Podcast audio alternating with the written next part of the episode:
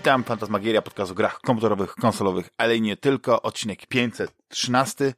Ja nazywam się Damian Paluchaka Dachman i ze mną są Juliusz Konczarski, aka Jules. Dzień dobry. I jedyny, oryginalny, najwspanialszy Rafał Siciński, aka Sik. Witaj Rafale, z powrotem.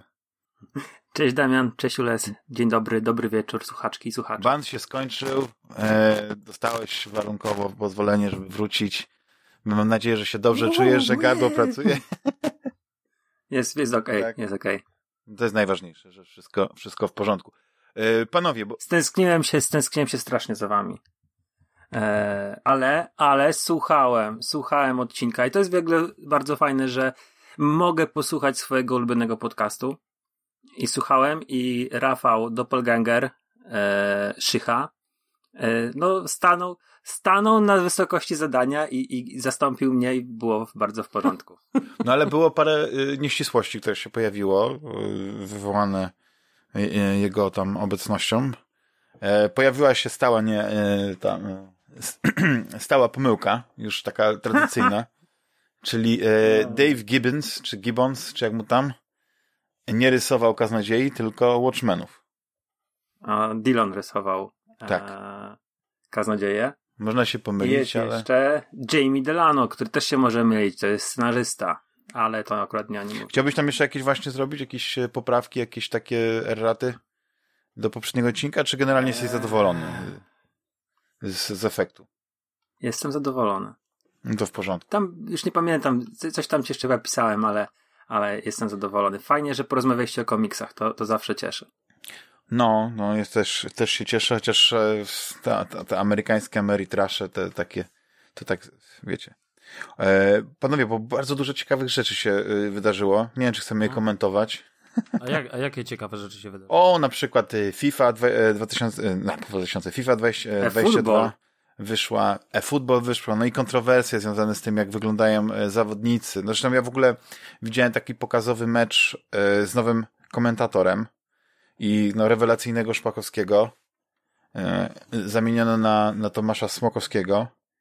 I powiem wam, że o ile nie mam nic osobiście do Tomasza Smokowskiego, no to to jest taka wymiana e, sikierki na kijek, bo jednak nie, Szpakowski, ja się, ja się Szpakowski ma fenomenalny głos i, i, e, i w ogóle w, w tej FIFA tak naprawdę, nie wiem, graliście na pewno nieraz z komentarzem w FIFA, to wiecie, że ten komentarz to jest taki, taki pic na wodę fotomontaż, nie?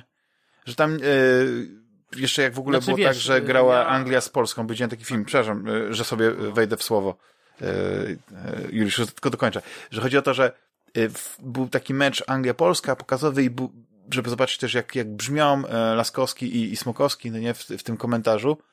I jak zwykle wyszło to, że angielscy e, piłkarze w grze są jakby bardziej popularni, więc większość tych piłkarzy wyglądała jak wygląda i jeszcze dodatkowo przy jakby zapowiedzi, no nie, czy przy podaniu składu, to na przykład byli podawani z imienia nazwiska. A polska reprezentacja, no to tak, gra składem, o, 3, 4, 2, czy coś takiego, wiesz, to jakieś takie, czy tam 3, 4, 3, tak nic, nic konkretnego, tak sobie myślałem, kurczę, nic nie, nic nie, jakby, jak to powiedzieć, nie rozwinęła się, wiesz, ta kwestia komentarza, nie? Że, że jedynie coś rozwinęło to chyba jest taka pełna polska wersja językowa, że jest David Beckham, w ogóle dubbing w tej FIFA jest jak taki stadionowy, no. Wiecie, no jakoś tak mało to ciekawie wygląda. Nie zachęcili mnie. Najlepsza y, FIFA oczywiście to jest 15, jeśli chodzi o polski komentarz, bo tam jest nie tylko Szpakowski, ale też Szaranowicz. I to jest chyba ostatnia w tym duecie, nie? Ile się nie mylę. Znaczy wiesz, Szaronowicz to, to nie kilka nagrali razem ze Szpakowskim tamtych FIFA, ale rzeczywiście chyba ta 15 to była ostatnia. Ale yy, powiem ci szczerze, że ja się chyba nie do końca zgadzam. To znaczy, to są, moim zdaniem to są dwie takie teorie. Bo jeżeli przyjąć, że komentarz w grze ma odzwierciedlać ilość błędów i y, tych y, niefrasobliwych i, i, i, i głupich sformułowań Szpakowskiego, to tak, to rzeczywiście szkoda, że go już nie będzie, bo, bo po prostu wiesz, ten komentarz w FIFA był taki jak komentarz Szpakowskiego zawsze w meczu, wiesz, strzelasz na bramkę, trafiasz słupek, nie? A Szpakowski komentuje, oczywiście to nie jego wina, wiadomo, że to jest wina tych algorytmów w FIFA i, i tego, jak są poprzypisywane te, tam, te, te odgłosy, ale on komentuje, znakomita parada, świetnie podał, nie? A tam nie ma żadnego podania, tylko ty strzelasz sobie samobuja. I mnóstwo takich to, to, to, rzeczy. Ja to, jest, to, nawet to jest to samo, to jest to samo teraz. ja tak, nawet nic się swego czasu, ja, ja nawet swego czasu yy, chciałem nagrać taki materiał cały zrobiony yy, wideo, wiesz, z, z, z, jakby z tych Mhm. fopa i nawet pamiętam, że na, ty, na, na Xboxie One yy, nagrywałem sobie takie fragmenty, wiesz, z tych, z tych gameplayów, z tymi miałem mnóstwo tego ponagrywane z jakimiś tam, yy, wiesz, tymi jego sformułowaniami takimi yy, niepasującymi do sytuacji po prostu, tak? No ale oczywiście to nie jest wina ani Szpakowskiego, Ale widzisz, ja, ja ani tyle lat tam oglądam tą bardziej- piłkę i, i dla mnie y, no Szpakowski jest, jest taką... Ja go nie, Nie trawię, wiem. szczerze powiedziawszy. A widzisz, no, czy to cię, jest stary. kwestia... Ja- Nie, nie, czyli ja- to jest kwestia osobistych preferencji, to rozumiem, okej. Myślę, że to jest kwestia osobistych preferencji. Myślę, że to jest też to, że wiesz, ja nie wiem, tak naprawdę yy, nie, nie powiedziałeś, że mamy się przygotować z FIFA, to nikt się nie przygotował z FIFA, więc ja nawet nie sprawdziłem, yy, jak brzmi ten Smokowski w tym. Natomiast ja pamiętam, że. Ale znasz chyba Smokowskiego, kojarzysz go, na przykład z kanału sportowego. Znam Smokowskiego bardzo dobrze, dlatego że ja w y, latach 90., jeszcze w czasach, y, wiesz, cyfry plus, Kanal Plus, tak. nie piraciłem Kanal Plus, tylko była cyfra plus i tak dalej, nie było żadnego piracenia, tylko normalnie to żeśmy jakby się, wiesz, już nie będę Nie, wchodził, no, nie, będę żartuję, tego rozwijał, żartuję. ale a w każdym razie, w każdym razie y, on razem z Tomaszem, y, Tomasz Smokowski i ten drugi się nazywa Andrzej Twarowski, to byli, to by, oni byli ekspertami od Ligi Angielskiej w zasadzie. Y, W zasadzie chyba Twarowski, Andrzej Twarowski chyba nawet bardziej. I, i, I ja zawsze bardzo lubiłem ich komentarz. I, I to, jak oni komentują, mi się dużo bardziej to podobało. I, i generalnie w tamtych czasach, y, jakby Kanal Plus robił dużo lepszą robotę y, z tym komentarzem sportowym niż, niż właśnie te kanały. Bo ja tych Szaranowiczy, Szpakowskich, ja ich nie trawiłem. Wiesz, Szpakowski wszędzie jeździł. Po prostu pierdzieliły mu się te nazwiska, wymawiał nazwiska w sposób jakiś absurdalny. Yy, wi- raz był Shiman, raz był Seaman. Wiesz, nie wiadomo było, jak się wymawia tego, tego goalkeepera yy, reprezentacji Anglii tam w zamieszłych Seaman. czasach i tak dalej. Seaman. No, no Seaman, no ale, ale wiesz, ale był, był Shiman, tak? W, w, u, u, yy, u Szpakowskiego. No, ale Więc- wiesz co, ja, ja to rozumiem, że rozumiem, że widzisz, może to jest właśnie kwestia taka, że e, u mnie się włączyła ta nostalgia, że ja zawsze e, pamiętałem Szpakowskiego, e, bo on był też właśnie tą gwiazdą, Szaranowiczem, no nie? Oni zawsze, jeszcze był później też Babiarz, bardzo Babiarza też lubię, oni byli takimi gwiazdami komentatorskimi i zawsze te największe wydarzenia, szczególnie jak były na przykład sukcesy Polaków, to też się kojarzyły z ich głosem. Oczywiście tam jeszcze było paru Czy takich Szaranowicz to, Szaranowicz to bardziej yy, lekkoatletyka, z tego co ja No pamiętam. tak, I tak. zawsze- on- a jak się nazywał ten od skoków? E, też fantastyczny komentator. Kurczę, zapomniałem. Ale był też taki, że jak po prostu e, jak Małysz skakał i on komentował, to, to ty po prostu robiłeś, e, wiesz, wyskok z, z, kanapy Z kanapy. i jak on lądował, to ty jeszcze robiłeś telemarka. Po prostu takie emocje. To, to jest coś rewelacyjnego. I właśnie tego mi brakuje, ale to jest kwestia tylko i wyłącznie tego, tego takiego mechanicznego czytania tekstów, a później tego algorytmu, który wypluwa te teksty i nie wprowadza takich emocji. No nie wiem, oglądaliście może teraz Legia e, e, Len, e, Nie. Lannister City, tak się chyba nazywa? Leicester, Leicester. Leicester City, tak? Leicester, dobrze. Leicester, okej. Nie Lannister, tylko Leicester. Lannister to I- w, innym, i- w innej lidze. I tam, i tam y, chyba właśnie Borek z Podolińskim komentowali i tam była taka sytuacja, którą oni po prostu ze swojego tego stanowiska myśleli, że padła bramka, nie? Bo nie, wiesz, no patrzyli po prostu z, z tej swojej kabinki tam. Ale były takie emocje, że nawet jak wiedziałeś, że ta bramka nie, nie ten, nie, nie, nie wpadła, bo wiedziałeś, że się odbiła od tego bramkarza i, i jednak poszła y, na zewnątrz. To kurczę, to, to też się cieszyłeś, że po prostu, że wpadła. Właśnie tych, Znaczy, tych wiesz, emocji nie ma y, w Słuchaj, tej, w tej z- Fifie mechanicznej. Słuchaj, ja, ja nie wiem, bo ja zagram sobie w FIFA, jak ona wejdzie do y, EA Play za pół roku pewnie, albo nawet szybciej, bo to zazwyczaj tak jest w tym, w tym pakiecie. Za parę miesięcy Że- wejdzie, bo wiesz, te futy Tak, muszą że- się sprzedawać. Dokładnie, e, więc, e, więc szczerze powiedziawszy to wtedy sprawdzę. E, Może zobaczę jakiś tam filmik Mhm. z tych, tych materiałów. Natomiast wiesz, mnie, mnie za Szpakowskim zawsze jakby nie przestawało to mm, jakoś tam, nie wiem, że dziwić, może nie dziwić, ale jakoś tak wprawiać w taki lekkie e, frasunek, o, w taki lekki frasunek, E, bo jakby on zawsze zaczynał mecz od takiego, od takiej jakiejś durnej, e, nie wiem, dwuminutowej, e, e, jakby to powiedzieć, takiego wprowadzenia, takiej, wiesz, takiego, takiego akapitu i kończył też mecz, nie? Mecz się kończył i nagle, wiesz, jeszcze tam zawodnicy schodzą, jeszcze się nie skończył, aż Pakowski już zaczyna wyglądać. No i cóż, wynik się skończył. Obie drużyny zagrały dobry mecz, ale nie udało się uzyskać dobrego wyniku. No cóż, może za tydzień będzie lepiej. Do zobaczenia, do wieczór, świetne widowisko, dziękujemy Państwu serdecznie, bla bla bla i tak dalej. I zobacz jak to I pięknie, stary... nawet jak tylko e, tutaj e, parafrazujesz, to ja już się czułem jakbym naprawdę oglądał mecz, dlatego, że właśnie to jest Szpakowski, on, on dodaje tego kolorytu. To, mi nigdy nie przeszkadzały no, ale... te jego wtopy, czy tego, bo ja nie byłem nigdy tak tą piłką, e, tak zakręcony na piłce, że mi to, że, że mi to przeszkadzało, wiesz, że, że przekręci jakieś nazwisko i tak dalej. Ja, odkąd y, w, telewizory zagościły na dobre w polskich domach i można było piłkę oglądać, nie trzeba było słuchać w radiu, to ja nie potrzebowałem kogoś, kto będzie mówił mi, że o, tutaj podaję, tutaj tego i tak dalej, tylko zaczęły się takie e, tak zwane komentarze z anegdotami. I, i, i zawsze te, te, te zeszyty tych komentatorów to wypełniały jakieś ciekawostki i nagle jak była tam jakaś nudna akcja, to się dowiedziałeś, że na przykład, nie wiem, ta partnerka tego piłkarza znaczy, wiesz, e, podobno wydaje... ma mieć dziecko, no nie? I takie wiesz, wydaje, no, jak to... plotek się przeplatał z komentarzem e, piłkarskim. Znaczy wiesz, mi się wydaje, że to w zasadzie w tym komentarzu sportowym to właściwie o to przede wszystkim chodzi. To znaczy nie, nie to, że tam ta żona z tym, tylko generalnie o te różne jakieś anegdoty, ciekawostki i tak dalej.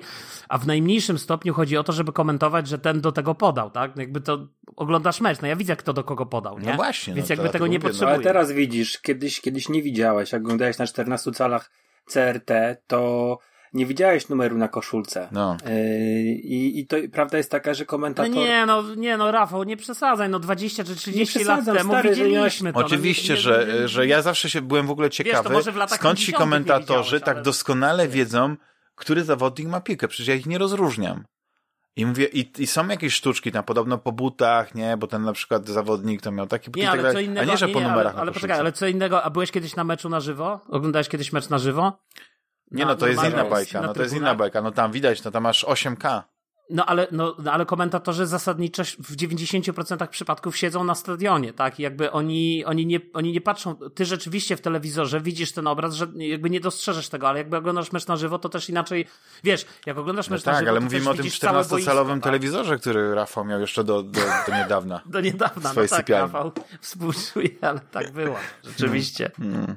Nie, ale y, bo, bo, tutaj Rafał też wspomniał o tym drugim skandalu z, y, z eFootball, czyli y, dawnym PS Mhm. no że y, to już nie tylko chodzi o te twarze zawodników, które wyglądają jak z tych, tych, tych reprodukcji słynnych dzieł, e, wiesz, ktoś tam właśnie zrobił taki fajny mem z Messim, bardzo fajnym, w ogóle te oczy, w ogóle, czy, czy Cristiano Ronaldo, czy, czy Messiego, to po prostu ja nie wiem skąd gdzieś ktoś wpadł na pomysł, żeby tak oczy zaprojektować. Tylko tam były takie totalnie jakieś odjechane y, problemy z, z, y, z modelami postaci, że gdzieś tam się wykrzaczały, gdzieś się y, sklejały ze sobą. No, no nie wiem, no ale no nie wiem, znaczy w ogóle też yy, śmieszne jest, bo nie wiem dla, z czego to wynika, ale uważam, że nie wiem, znaczy, bo też można powiedzieć, że to nie chodzi o, o brak konkurencji, nie?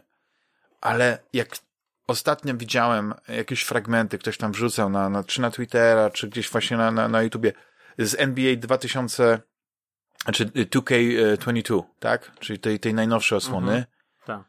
to poziom jest, to jest fotorealizm. To jest po prostu y, ta płynność ruchów, to jak to wygląda, światło, ten poziom graficzny jest taki, że, że masz wrażenie, że y, przy odrobinie, jakbyś to pokazał sobie, która nie, wiesz, po prostu nie wiedziałaby, nie zna się na grach, tak? To pomyślałaby, że to jest faktycznie z telewizji jakiś fragment meczu e, pokazany.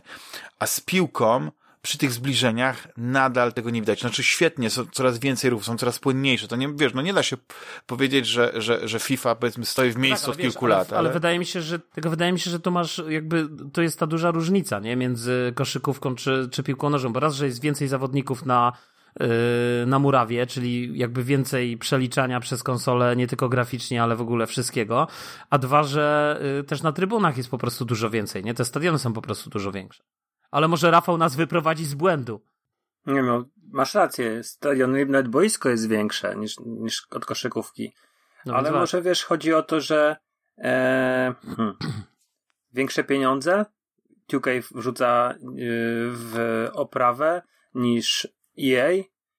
To, ale to by było dziwne, no bo jednak wiesz, ta FIFA to jest jednak taka, powiedzmy, wiesz, no wszyscy wiedzą, że jak jest piłka na, na nie wiem, na konsoli, na komputerze, no to, to FIFA, tak?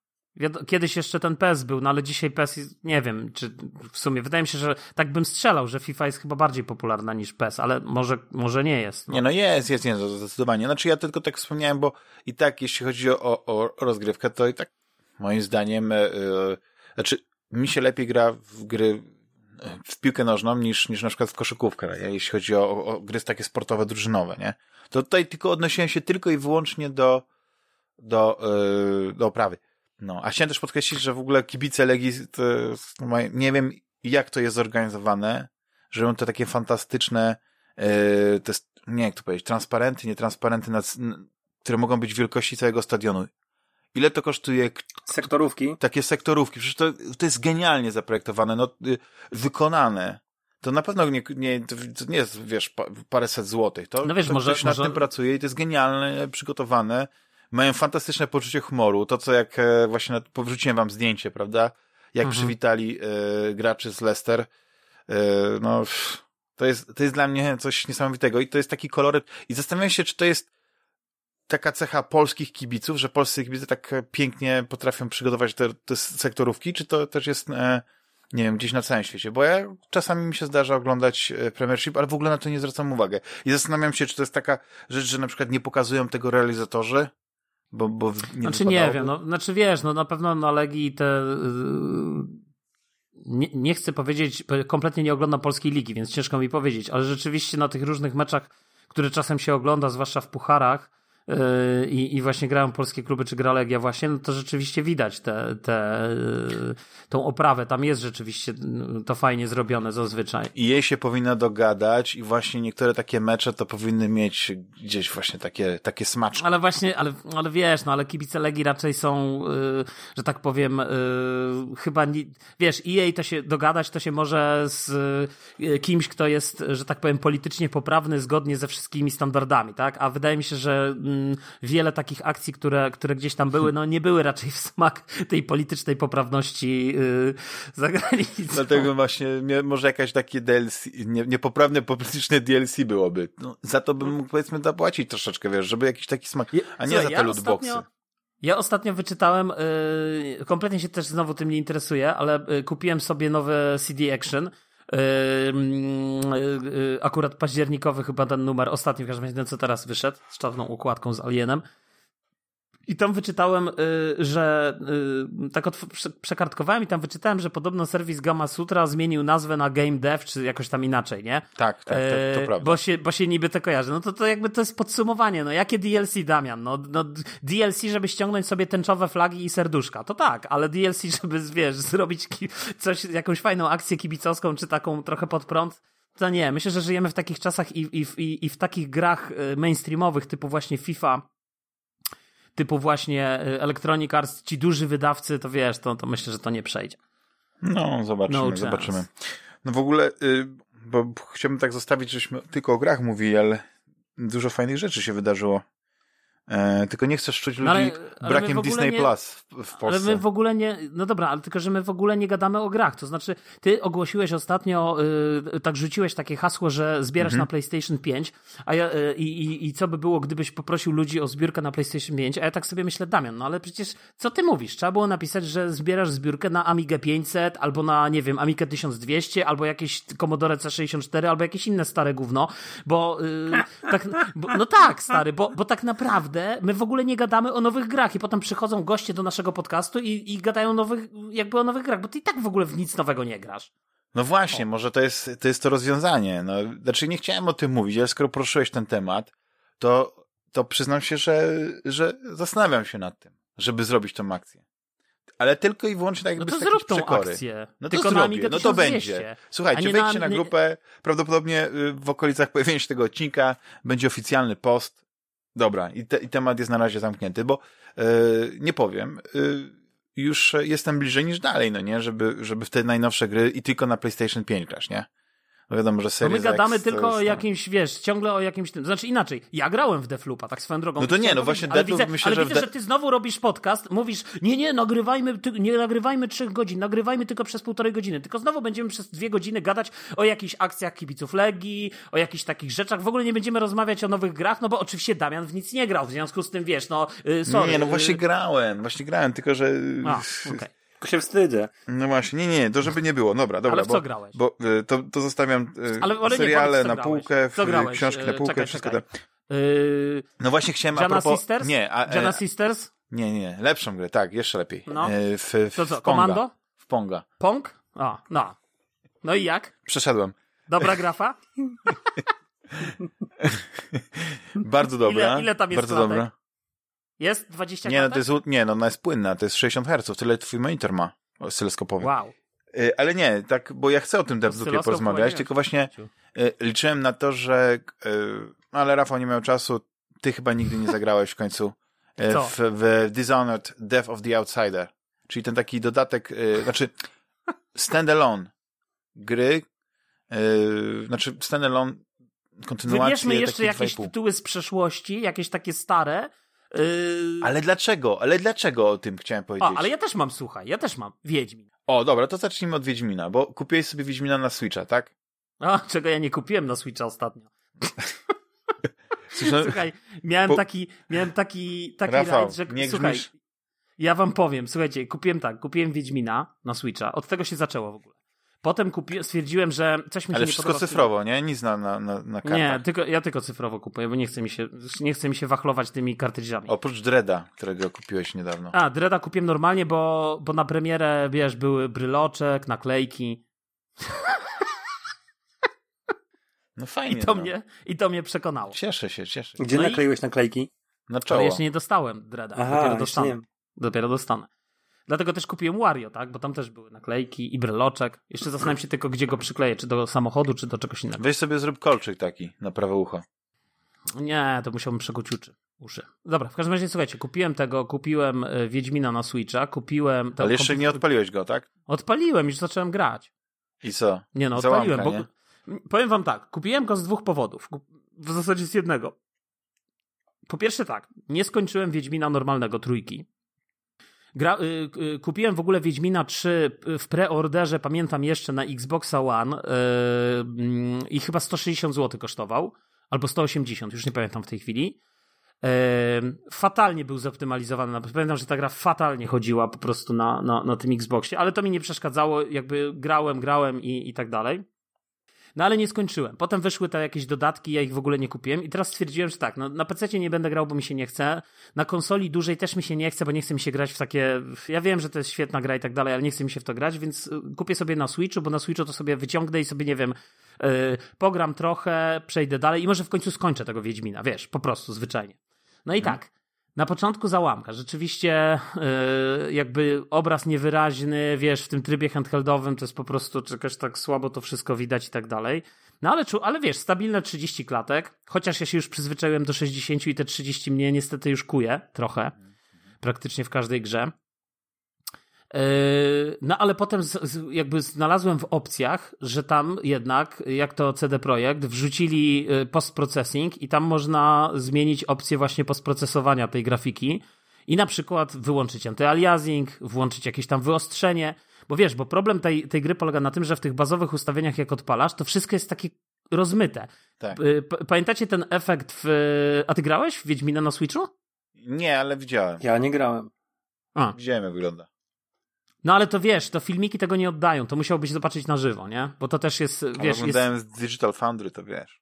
Ale nie, to nie, to w ogóle nie jest to. To w ogóle nie jest to. Dlatego, że tak naprawdę na Switchu, jak, właśnie zaraz powiem, jak już tam się trochę go dopracuje, bo to jest tam wersja 3.7 w tej chwili, to, to już wygląda fajnie. W tym sensie, że jakby nie ma tego problemu. Bo o co chodzi? Yy, Pamiętacie w Bioshocku, to była chyba pierwsza, b- to była jedna z tych pierwszych gier, która miała ten problem z doczytywaniem się tekstur. Że jak się odpalało grę, na, y, to, to, to po prostu czasem się te tekstury nie doczytywały i były takie rozmazane, nie? No to w Wiedźminie sobie w- mniej więcej cały czas te tekstury się nie mogą doczytać, nie? To, to tak mniej więcej tak wygląda na Switchu. No i co, ale zmieniłeś to? Jakoś zrobiłeś jakiś myk, czy nie? Tak, zrobiłem myk, ustawiłem wyostrzenie. I to nagle spowodowało, że ten roz... Masz stabilne 20 klatek, ale przynajmniej obraz. Nie, nie. Jest cały czas 30 klatek, jest stabilne tak jak było. Natomiast spowodowało to to, że yy, bo to jakby nie ma wpływu na, yy, bo sprawdzałem, to jakby nie, nie, wpływa na jakieś, a przynajmniej ja nie widzę. Czemu tego nie włączyli od razu? Nie wiem, dlaczego to tak jest zrobione, nie? Bo zrobiłem to właśnie, mogę antyaliasing jeszcze na przykład wyłączyć też dodatkowo i chyba też go w sumie wyłączę y, w tym tym. I teraz chodzi o to, że wtedy jest rzeczywiście że to wygląda ostro. Co więcej, wiesz, okej, okay, no ta gra wygląda jakby była odpalona na naprawdę słabym pececie, nie? Ale tak, tych krzaków jest od groma. Są te drzewka, jakby ten efekt takiej gęstwiny, wiesz, te, te, tego gęstego lasu, który, który pamiętam był taki urzekający, jak ten Wiedźmin się ukazał, to był taki efekt wow, że nagle wow, gra z otwartym światem i wiesz, i, i rzeczywiście masz las, masz puszczę i ta puszcza faktycznie wygląda jak puszcza, że to jest, wiesz, że to jest gęsta puszcza, nie? Że to są krzaczory i tak dalej, a nie na zasadzie, że to są trzy krzaczki i wiesz, między nimi widać już yy, doczytujące się tekstury, nie? Więc, więc jakby tutaj jest super. I jakby ten efekt jest zachowany. Jest mnóstwo NPC-ów. Nie ma w ogóle, wiesz, takiego ograniczenia. To nie jest tak, że nagle nie masz w ogóle NPC-ów i tak jak masz, nie wiem, No More Heroes na, na Wii. Yy, więc jakby, wiesz, yy, w sumie jest bardzo dobrze. Do tego, słuchaj, filmiki E, są zaskakująco dobrej jakości, bo tam jest, zdaje się, 25 wtedy klatek, ale ty tego nie widzisz, bo to są filmiki. Nie widzisz tego, żeby coś było niepłynnie. Natomiast, yy, natomiast chodzi o to, że one rzeczywiście wyglądają bardzo fajnie. Wiesz, bardzo, bardzo dobrze. Jak na, jak na Switcha, tak? Mówmy się, mówimy o tablecie, który ma podzespoły, nie wiem, na poziomie PlayStation 2. Albo 3. Nie, 3 to chyba nie, ale 2. Więc, e, więc to jest naprawdę taki, wiesz, e, słaby sprzęcik, nie? Więc, e, natomiast rzecz taka, którą chciałem już od, od tych technikaliów, żeby trochę odejść, o, o których chciałem powiedzieć, to tak, oczywiście jest dużo rzeczy poprawionych w tym Wiedźminie, bo to już jest ta, wiesz, edycja kompletna, tam poprawili ten ekwipunek, mnóstwo różnych rzeczy.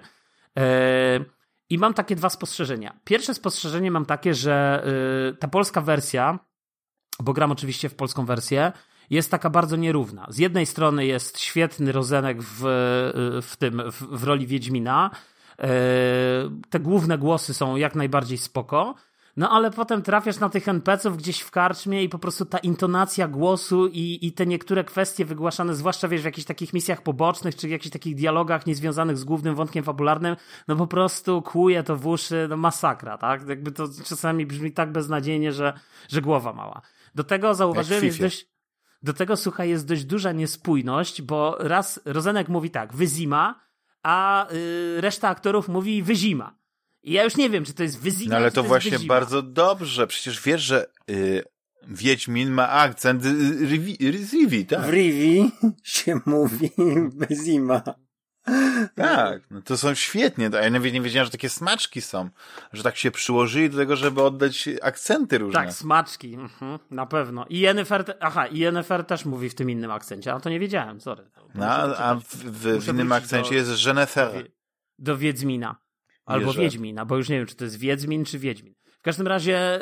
Yy, Wiedźmin. Natomiast Natomiast druga rzecz, słuchajcie, rzecz irytu... jest dużo takich irytujących rzeczy w tej grze, nie? I, I to nie są związane z platformą. Że na przykład, wiesz, nie zawsze poprawnie wyświetlają ci się, podświetlają ci się ciała. I czasem, zwłaszcza w takich małych pomieszczeniach, gdzie jest wąsko, to w jakiejś chacie, gdzie wejdziesz, to musisz naprawdę tą kamerą pokręcić, wiesz, ustawić, żeby po prostu złapał ci te zwłoki, żebyś mógł je kliknąć i zlutować, nie? Więc to jest beznadziejne. Ale ogólnie muszę powiedzieć, że mimo wszystko tak się mega przyjemnie w tą grę gra. Normalnie ja sobie cały czas gram w tego Wiedźmina i sobie, wiesz, wyczyściłem sobie właśnie mapę z... No to jest kapitalna gra, no to jest... Tak, to jest świetna gra. Myśl, jak myślisz, dlaczego ona dostała 1224 nagrody gry roku? Nie no, ja wiem, że Wiedźmin jest świetny i tak nie dalej. Nie tylko ze względu ja, na fabułę mówię, Ale chodzi mi o to, że wiesz, że wróciłem teraz po tych, nie wiem, siedmiu, tak, sześciu, nie wiem kiedy Wiedźmin wyszedł latach. Może tak, być. Sześciu, no. I tak naprawdę, słuchajcie, ta gra w dalszym ciągu się broni. Co więcej, pomyślałem jeszcze o jednej rzeczy.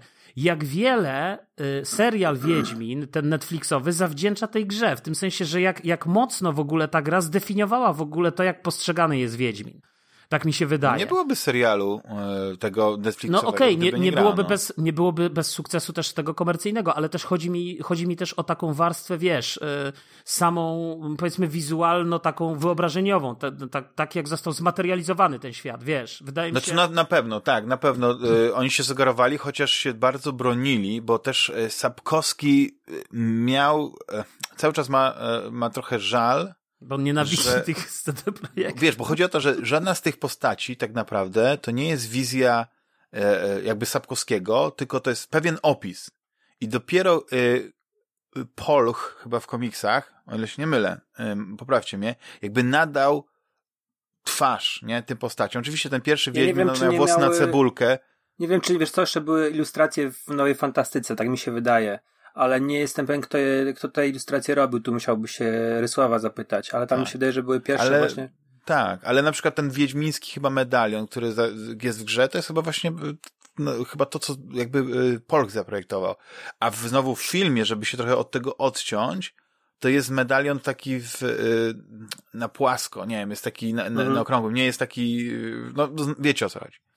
Więc są pewne okay, rzeczy, ale, no, ale, ale generalnie ja na przykład miałem tak, e, już tylko jedno słowo, że jak ja, będąc całkowicie zachuśnięty tym, jak e, CD Projekt stworzył, wiesz, zwizualizował ten świat, nie, w grze, że na przykład pewne rzeczy, które odbiegały e, w serialu od, od tego, co zrobili, to mi na przykład przeszkadzały, bo ja chciałem, żeby to właśnie wyglądało tak, bo ja uważam, że wszystko, co jest w grze, to jest, to jest optymalne. Ten wygląd postaci, wygląd Wiedźmina, wiadomo, że jest trochę komputerowy, nie? E, bo to nie są jakby twarze prawdziwych ludzi, tylko to są wyrzeźbione, że tak, bo to nie było tam jakiegoś mock-upu te mhm. twarzy, nie, i tak dalej. Ale dla mnie to jest, no, no nawet e, szczerze nie pamiętam wszystkich postaci, nazwisk, żeby tak wymienić, nie, i, i tak dalej, ale uważam, że, że gra bardzo wysoko podniosła poprzeczkę, jeśli chodzi o, o, o poziom wizualny, więc y, oni by nigdy nie do, e, w serialu do tego poziomu nie doszli, więc trochę musieli swojego sznytu e, dołożyć, nie? I, I pewne rzeczy się podobają ludziom, pewne rzeczy nie. Wiadomo, że Henry Cavill jest e, bardzo fajnym aktorem, jak go lubię, ale jest taki trochę bardziej taki, nie jest taki smukły moim zdaniem, jak, jak ten Wiedźmin w, w grze. Jest taki troszeczkę bardziej zbity, wiecie o co mi chodzi, że to jest taki bardziej mhm. napakowany. I, i nie, nie widzę tej szybkości, tej giętkości ruchów. E, no ale to też jest inna kwestia. No, znaczy wiesz, no to jest, to, jest, to, już, to, już, to już bym w to chyba tak nie wchodził, wiesz. Ja na przykład bardzo lubię y, tą interpretację głosową Rozenka i, i, i, uważam, że on był najlepszym Wiedźminem, jeśli chodzi o głos. Tak. Dlatego, że dla mnie Żebrowski jest zbyt kwadratowy i zbyt taki, zbyt ma taki statyczny ten głos, wiesz, taki... Mhm. Znaczy jest jeszcze... Taki zbyt, zbyt taki mało, brakuje mu tej dynamiki. Natomiast Rozenek z jednej strony zachowuje tą taką, y, wiesz, ten, ten Wiedźmin jest taki ma ten taki, powiedzmy, stanowczy, zdecydowany i, i, i badass głos, ale z drugiej strony ten głos ma dużo, ma, ma taką fajną dynamikę. Widać, że on jest, że, że to nie jest taki kwadrat po prostu. A Żebrowski jest dla mnie nie do, nie do przyjęcia niestety. I tak samo w wersji serialowej i tak samo później w wersji mhm. y, w wersji tej y, audiobookowej jeszcze jest taki. Do tego nie słyszałem. No, ale już zapomniałem, jak się nazywa ten e, fantastyczny aktor głosowy. Rafał, ty pamiętasz? On grał e, też w Wiedźminie, tylko w Wiedźminie grał inną postać. Ale który? Ten, co robi w słuchowisku tak. Wiedźmina. Tak, tak, tak, tak. Kurczę, to ja mam... Ale którą postać? Którą postać? No Wiedźmina, nie? Chodzi mi o to, że też, też jest dobre, ale też jestem Aha. za tym, że Rozenek jest e, najlepszym aktorem głosowym, jeśli chodzi o... No najlepszym niestety, on chyba tam miał ten, ten zdaje się, wylew chyba, tak? Czy, czy ale, poważne ale już wrócił do czytania zdrowotne. i Aha, muszę no przyznać, no że w porównaniu na przykład do, do innych, gdzie na przykład, no nie wiem, bo jest kilka znanych osób, no nie chcę nawet wymienić nazwiska, e, komentarzy, dziennikarzy, którzy też mieli swoje te i, i na przykład nie mają takiego... Prze, przepraszam, że znowu wejdę w słowo, e, bo sobie sprawdziłem słucho, słuchowisko teraz, E, na Storytelu i tutaj mam Krzysztof Banasz, e, Banaszyk, Wiedźmin. Tak, tak o nim właśnie mówię. Dzisiaj Także po prostu to... nie mam zupełnie pamięci do nazwisk. E, także to Banaszyk. Bardzo fajny głos również. Tak, on ma. On, on tego Rocha, czy jakoś tam gra w grze. A też kojarzę. A chyba, a nie, kojarzę tego aktora, ale wiesz co, nie, chyba, chyba dla mnie jest za, za miękki, o tak bym powiedział. Czy oni mają, oni, oni mają bardzo podobne głosy. I to jest najlepsze, że, do, że w ogóle ja nie, ja mam coś takiego i to, to jest tak jak, jak z Knapikiem też było, że jak, że jak słuchasz Knapika, nawet jak go widzisz jak mówi, to ten jego głos jest, e, był taki, że nie mogłeś go dopasować do tej twarzy. Wiesz o co chodzi? Że patrzyłeś uh -huh, i, uh -huh. i wydawało się, że komputer czyta i, i jakaś postać rusza usami, usza, e, uszami, kurczę, ustami. I to samo mam z Rozenkiem, że on tak czyta, bo ja, wiesz, on też yy, przeczytał całego Pana Lodowego Ogrodu, no nie? Więc jakby ten, ja przez długi okres właśnie, on też mi się kojarzył z, z tym e, Wuko e, Draikinenem, czy jak się nazywał ta postać z, z tej... E, mhm, z, z, dokładnie. Czworo, kwadrologii. I e, on ma też taki głos, że po prostu słyszysz człowieka, sobie niesamowite rzeczy wyobrażasz, a później patrzysz na aktora, no nie, okej, okay, no nie? Ale zupełnie ten głos jest jakby oderwany. To jest coś niesamowitego, taki dysonans się tworzy, no ale no cieszę się, że, że, że już wróciłeś do Wiedźmina 3. No i cieszę się, że wybrałeś taką starą grę, bo jeśli wybrałeś grę sześcioletnią, to nic nie powiesz na to, że ja wybiorę sobie grę, która e, jest trochę ale, ale zagrałem w Defloopa, więc wiesz, jestem trochę usprawiedliwiony. No to ja no. chciałem przejść do Deadloopa, wiesz? No. E, ale zanim przejdę do Deadloopa przez moją grę, to chciałem zapytać właśnie Rafała, czy ty w coś ostatnio grałeś? e, dobrze, dobrze wiecie, że praktycznie ostatnie dwa tygodnie nic nie grałem. E, z nowości na pewno nic. Natomiast grałem też w grę mm, sześcioletnią. E, wróciłem do Metal Gear Solid 5 The Phantom Pain i na Wicie gram w trójkę. E, no i muszę powiedzieć, że to jest moim zdaniem mm, gra roku. 2015, mm, ale nie, wiesz co, to jest no super gra, zamierza, no świetna gra jest. Najlepszy open world, yy, taki skradankowy, z taką kosmiczną ilością mechanik, taką, takim polem do zabawy, do robienia, eksperymentowania, E, i, pomysłów, ile tam wrzucili, to jest, to jest naprawdę coś. Fantastycznie się bawię. Ja tej gry e, nie skończyłem, bo akurat jak e, no, w, w rozgrywce, w dokończeniu e, przerwał mi przerwało mi narodziny dziecka mojego.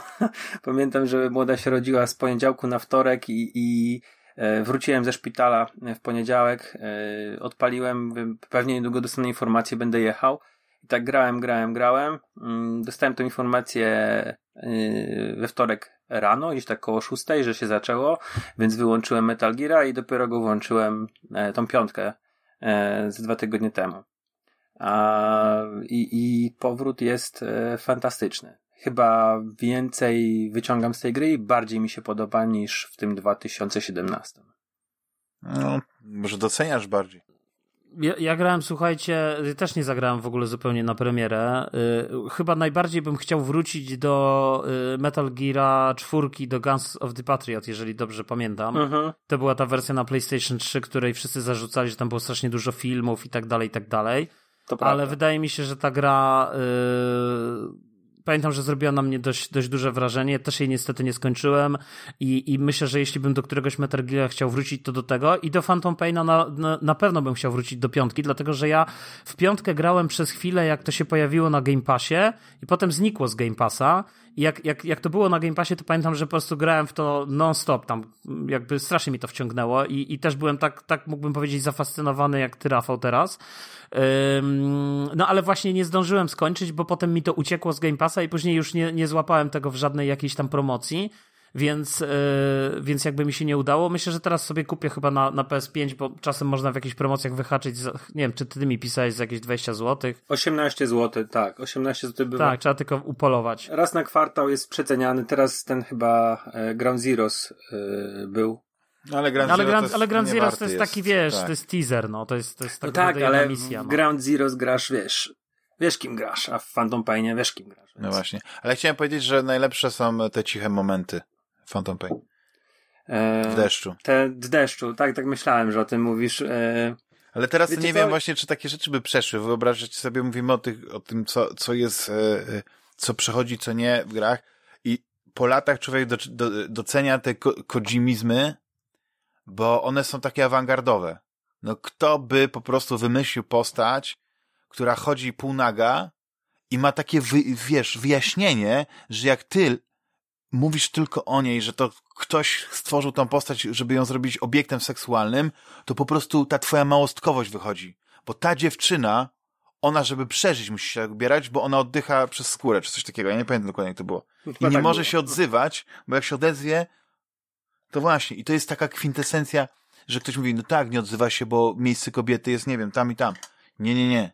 To wszystko jest przemyślane. Nie, ale to, to, to, to, co mówisz, to są jakby dwie interpretacje. Jedna interpretacja, która jest narzucona, rozumiesz, to jest tak samo jak jakby, żeby to zobrazować, te słyn, te, ten słynny sędzia, który nie chcę powiedzieć, że ukradł, ale wziął te 50 zł z tej kasy i to zarejestrowały kamerę na tej stacji benzynowej, tak? I teraz w zależności od tego, kto tak naprawdę ocenia tą sytuację, to dla jednego będzie, że no facet po prostu nie zauważył, dla innego to będzie, że z premedytacją te pieniądze zabrał. Ale jak, wyciągnął trzeciego... pieniądze z, z, kasy, wyciągnął z no, szuflady, no, czy jak to wygląda? Nie, no ze stołu wziął, no obejrzyj, obejrzyj tak naprawdę, Aha, obejrzyj czyli nie, że z kasy, obe... że po prostu z szufladki tej takiej wyciągnął ten? Nie, tylko... nie, nie, nie, no po prostu Aha, z blatu, no bo tak, się pomyliła no. kasjerka, położyła pieniądze i on po prostu te pieniądze wziął. I teraz chodzi o to, że tak naprawdę tą sytuację możesz zinterpretować na tysiąc różnych sposobów. No ja tak bym wziął odruchowo, bo myślał, że to jest reszta.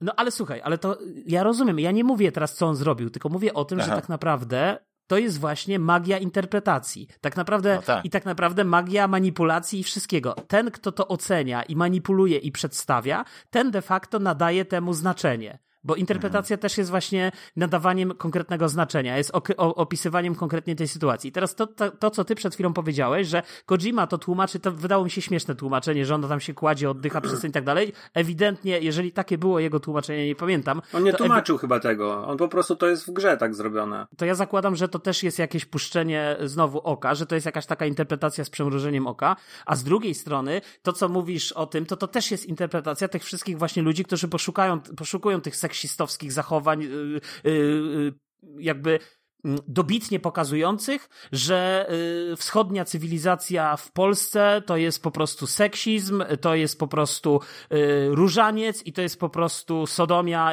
ale w takim znaczeniu, wiesz, niepostępowa. A wszystko, co jest najwspanialsze, to jest oczywiście na zachodzie, gdzie my po prostu jesteśmy tacy mega otwarci i na wszystko się otwieramy. To są wszystko interpretacje, tak naprawdę. Interpretacje, wiesz, które, które zostają narzucone przez tych, którzy to y, właśnie jakby interpretują i ubierają to w konkretne słowa. Więc, e, więc myślę, że nie wiem, czy prawda leży gdzieś po środku, bo to jest pytanie, znaczy, gdzie myślę, jest prawda że, i tak naprawdę lore, czy prawda istnieje. Lore yy, jest nie bardzo istnieje. rozbudowany w grach Kojimy i to wszystko jest wyjaśnione. Ja pamiętam, że tylko, że żałuję, że to było tak poszatkowane i, i nie w kolejności, ale moją ulubioną grą, e, mimo że ja na przykład nie jestem wielkim fanem e, gier Kojimy i Metal Gearów, to był ten Peace Walker na PSP.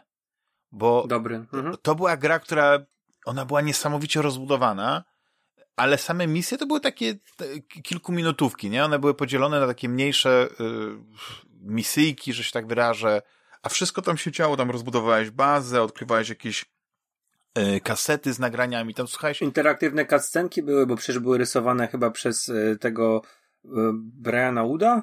Dobrze kojarzę? No, Tego, co być... narysował komiks? Mm -hmm, być może, nie e... wiem, nie, nie pamiętam. I tam ale... były, były quick time eventy na tych, tych, na tych cutscenkach. Mm -hmm. I to była kapitalna gra, moim zdaniem. To, to była gra, która nie też ona pokazywała moc PSP, bo ona nie, nie była, nie wiem, tym God of War'em na PSP, czy inną taką grą, która jakby wyciskała ostatnie soki z tego, ale pokazywała, jak można właśnie zrobić taką, tego przynośnego Metal Geara bo, bo co by nie mówić, no te Metal które, Rafał, ty grasz na Wicie, no nie, czy tam, tam e, dwójka chyba i trójka, nie, tą, tą trójkę grasz? Tak. To to są po prostu przy, przy, remastery gry, y, gier z, z PlayStation 2. I... Nawet wiesz co, tak, masz rację, bo moim zdaniem to jest y, port tych wersji e, z PS3 nawet. Tak, no. I one ładnie Bardzo dobry zresztą, bo tak bo to jest ciekawostka, bo Bluepoint zostało ogłoszone już oficjalnie, że przechodzi w tym tygodniu e, pod skrzydła Sony do, do, i robił tą, tą konwersję Bluepoint i ona jest e, bardzo dobra. Bardzo fajnie się gra na, na małej konsoli. Jest e, używany i przedni i tylni dotyk. E, super to jest. Lepiej mi się gra niż na PS3. No to super. Dobra, panowie, no bo, e, zaraz przejdziemy do, do e, głównego dania. Ale ja chciałem was mhm. zapytać, czy ktoś właśnie zagrał was, yy, albo okazję jeszcze dotknąć, o, otarł się o Dishonored e, Death of the Outsider. Nie. Ja się tyle otarłem, że grałem w podstawkę. Mhm. E, rozumiem, że Juliuszu, ty nie grałeś w żadną część Dishonored. Nie, dlatego że y, jak wyszło Dishonored, mimo że chciałem w to bardzo zagrać, to, to się akurat zbiegło z takim okresem w moim życiu, w którym praktycznie poza sporadycznym graniem w FIFA w nic nie grałem. A opowiedz nam o tym, mhm. bo to jest ciekawe w sumie. Dlaczego tak było? No po prostu w którymś momencie przestałem się interesować jakby grami zupełnie. One zeszły na zupełnie dalszy plan. E, I to wcale nie był czas, e, wiesz. E, Dziewczynami się zacząłeś interesować wtedy też. nie, to już, już znałem wtedy moją żonę. Natomiast to nie był też czas, że miałem córkę, czy, czy, czy córka się urodziła. Absolutnie. Po prostu wiesz, no, taki miałem etap w swoim życiu, w którym tak naprawdę jak, jak kupiłem Xboxa One, to, to, to już wtedy w zasadzie grałem tylko w FIFA i w tą Force i to były praktycznie dwie gry, w które od czasu do czasu grałem, później praktycznie w ogóle, potem coś tam, wiesz, może kupiłem jakąś grę raz na pół roku, no. Ale, mhm. a już na pewno nie kupowałem gier. Y, to, to był właśnie też taki czas, y, ja, ja o tym też mówiłem ostatnio przy okazji tam innych dyskusji, do których nie chcę wracać, ale ale to był też taki czas, w którym ja mówiłem, że, że właśnie, wiesz, Xbox plus EA Access i naprawdę jedziesz, tak? Jakby masz wszystko, co ci potrzeba. Od czasu do czasu mhm. wchodzą te, y, jakby po pierwsze dostajesz tą bibliotekę gier Electronic Arts, po drugie wszystkie nowe FIFA i NHL i te wszystkie edycje sportowe wchodzą z regularnością. I ja w ogóle uważam, że z tych wszystkich deali abonamentowych, już abstrahując od, od tego, czy mówimy o Game Passie, czy Ubisoft Play i tak dalej, to wydaje mi się, że właśnie yy, to, co zrobił Electronic Arts jest najlepsze, bo to jest 79 zł na rok, to jest poniżej 8 zł na miesiąc tak naprawdę, w ogóle tego nie widzisz, tego kosztu, i okej, okay, no nie masz gier na premierę, wiadomo, ale dostajesz, ale wiesz, że one prędzej czy później trafią, więc jeśli nie zależy ci, żeby pograć tą FIFA 22 na premierę, no to poczekasz chwilę i ona trafi, tak? No wiadomo, no EA Access, EA Play, tak, jest częścią Game Passa, więc spoko, więc jakby tam to, to też się będzie działo.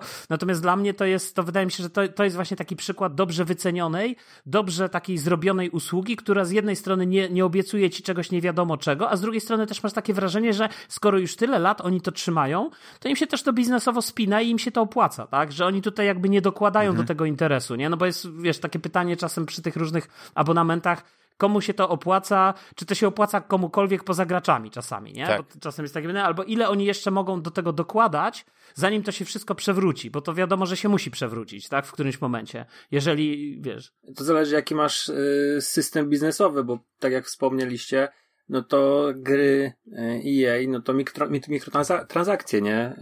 Y, tak, to oni chcą, za darmo by oddali, ale nie mogą powiedzmy za darmo oddać gier, bo bo to tak by źle wyglądało, to znaczy, że wyceniają nie, ja myślę, że oni zarabiają na, albo... ja, myślę, że, ja myślę, że oni zarabiają na pudełkach i myślę, że... I Jasne, myślę, że... że... tak, bo co roku jest grupa fanów, która kupuje to no. na premierze.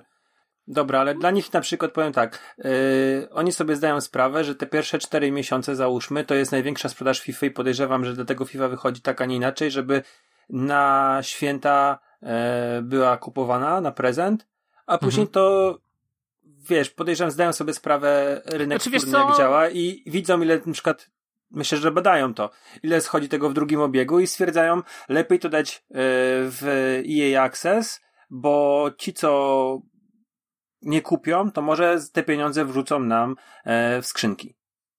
Znaczy, nie no tak, no słuchaj, no jakby chodzi mi o to, że to jest, wiesz, to jest to, inaczej. No wracając do tej mojej historii, żeby już tam nie, nie rozwijać tego tematu, yy, to był taki czas, kiedy ja po prostu praktycznie się nie, jakby nie interesowałem. Nawet pamiętam, że to był taki moment, że szedłem sobie do Empiku i przez przypadek trafiłem na Marvel Ultimate Alliance, yy, nie, przepraszam, nie Ultimate, źle mówię, Marvel vs. Champion.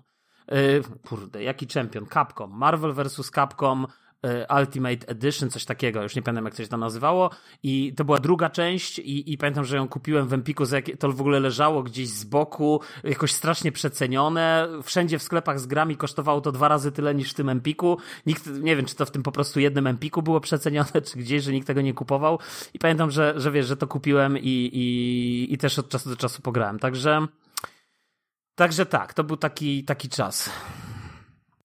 A w tamtym czasie y, to już wchodziłeś w mm, tak mocno w bitewniaki, w figurki, czy to nie, też w ogóle, było... nie, nie, nie. Gry planszowe jak wolny czas Juliusz mocno spędzałeś? Yy, ale wiesz co, może wchodziłem wtedy w planszówki, ale też nie tak bardzo, bo rzeczywiście miałem taki później, miałem taki moment, że że nawet próbowałem coś grać, ale tak naprawdę te planszówki yy, zawsze wygrywały i zawsze wolałem w planszówki grać, a teraz słuchajcie, niestety kupiłem znowu siłą, teraz tak naprawdę gram tylko w bitewniaki plus, yy, plus yy, właśnie yy, na, na konsoli jednej, czy głównie na Nintendo. No, niestety muszę to powiedzieć z ubolewaniem. Jeśli miałbym dzisiaj kupić konsolę, to bym kupił drugiego Switcha tak naprawdę.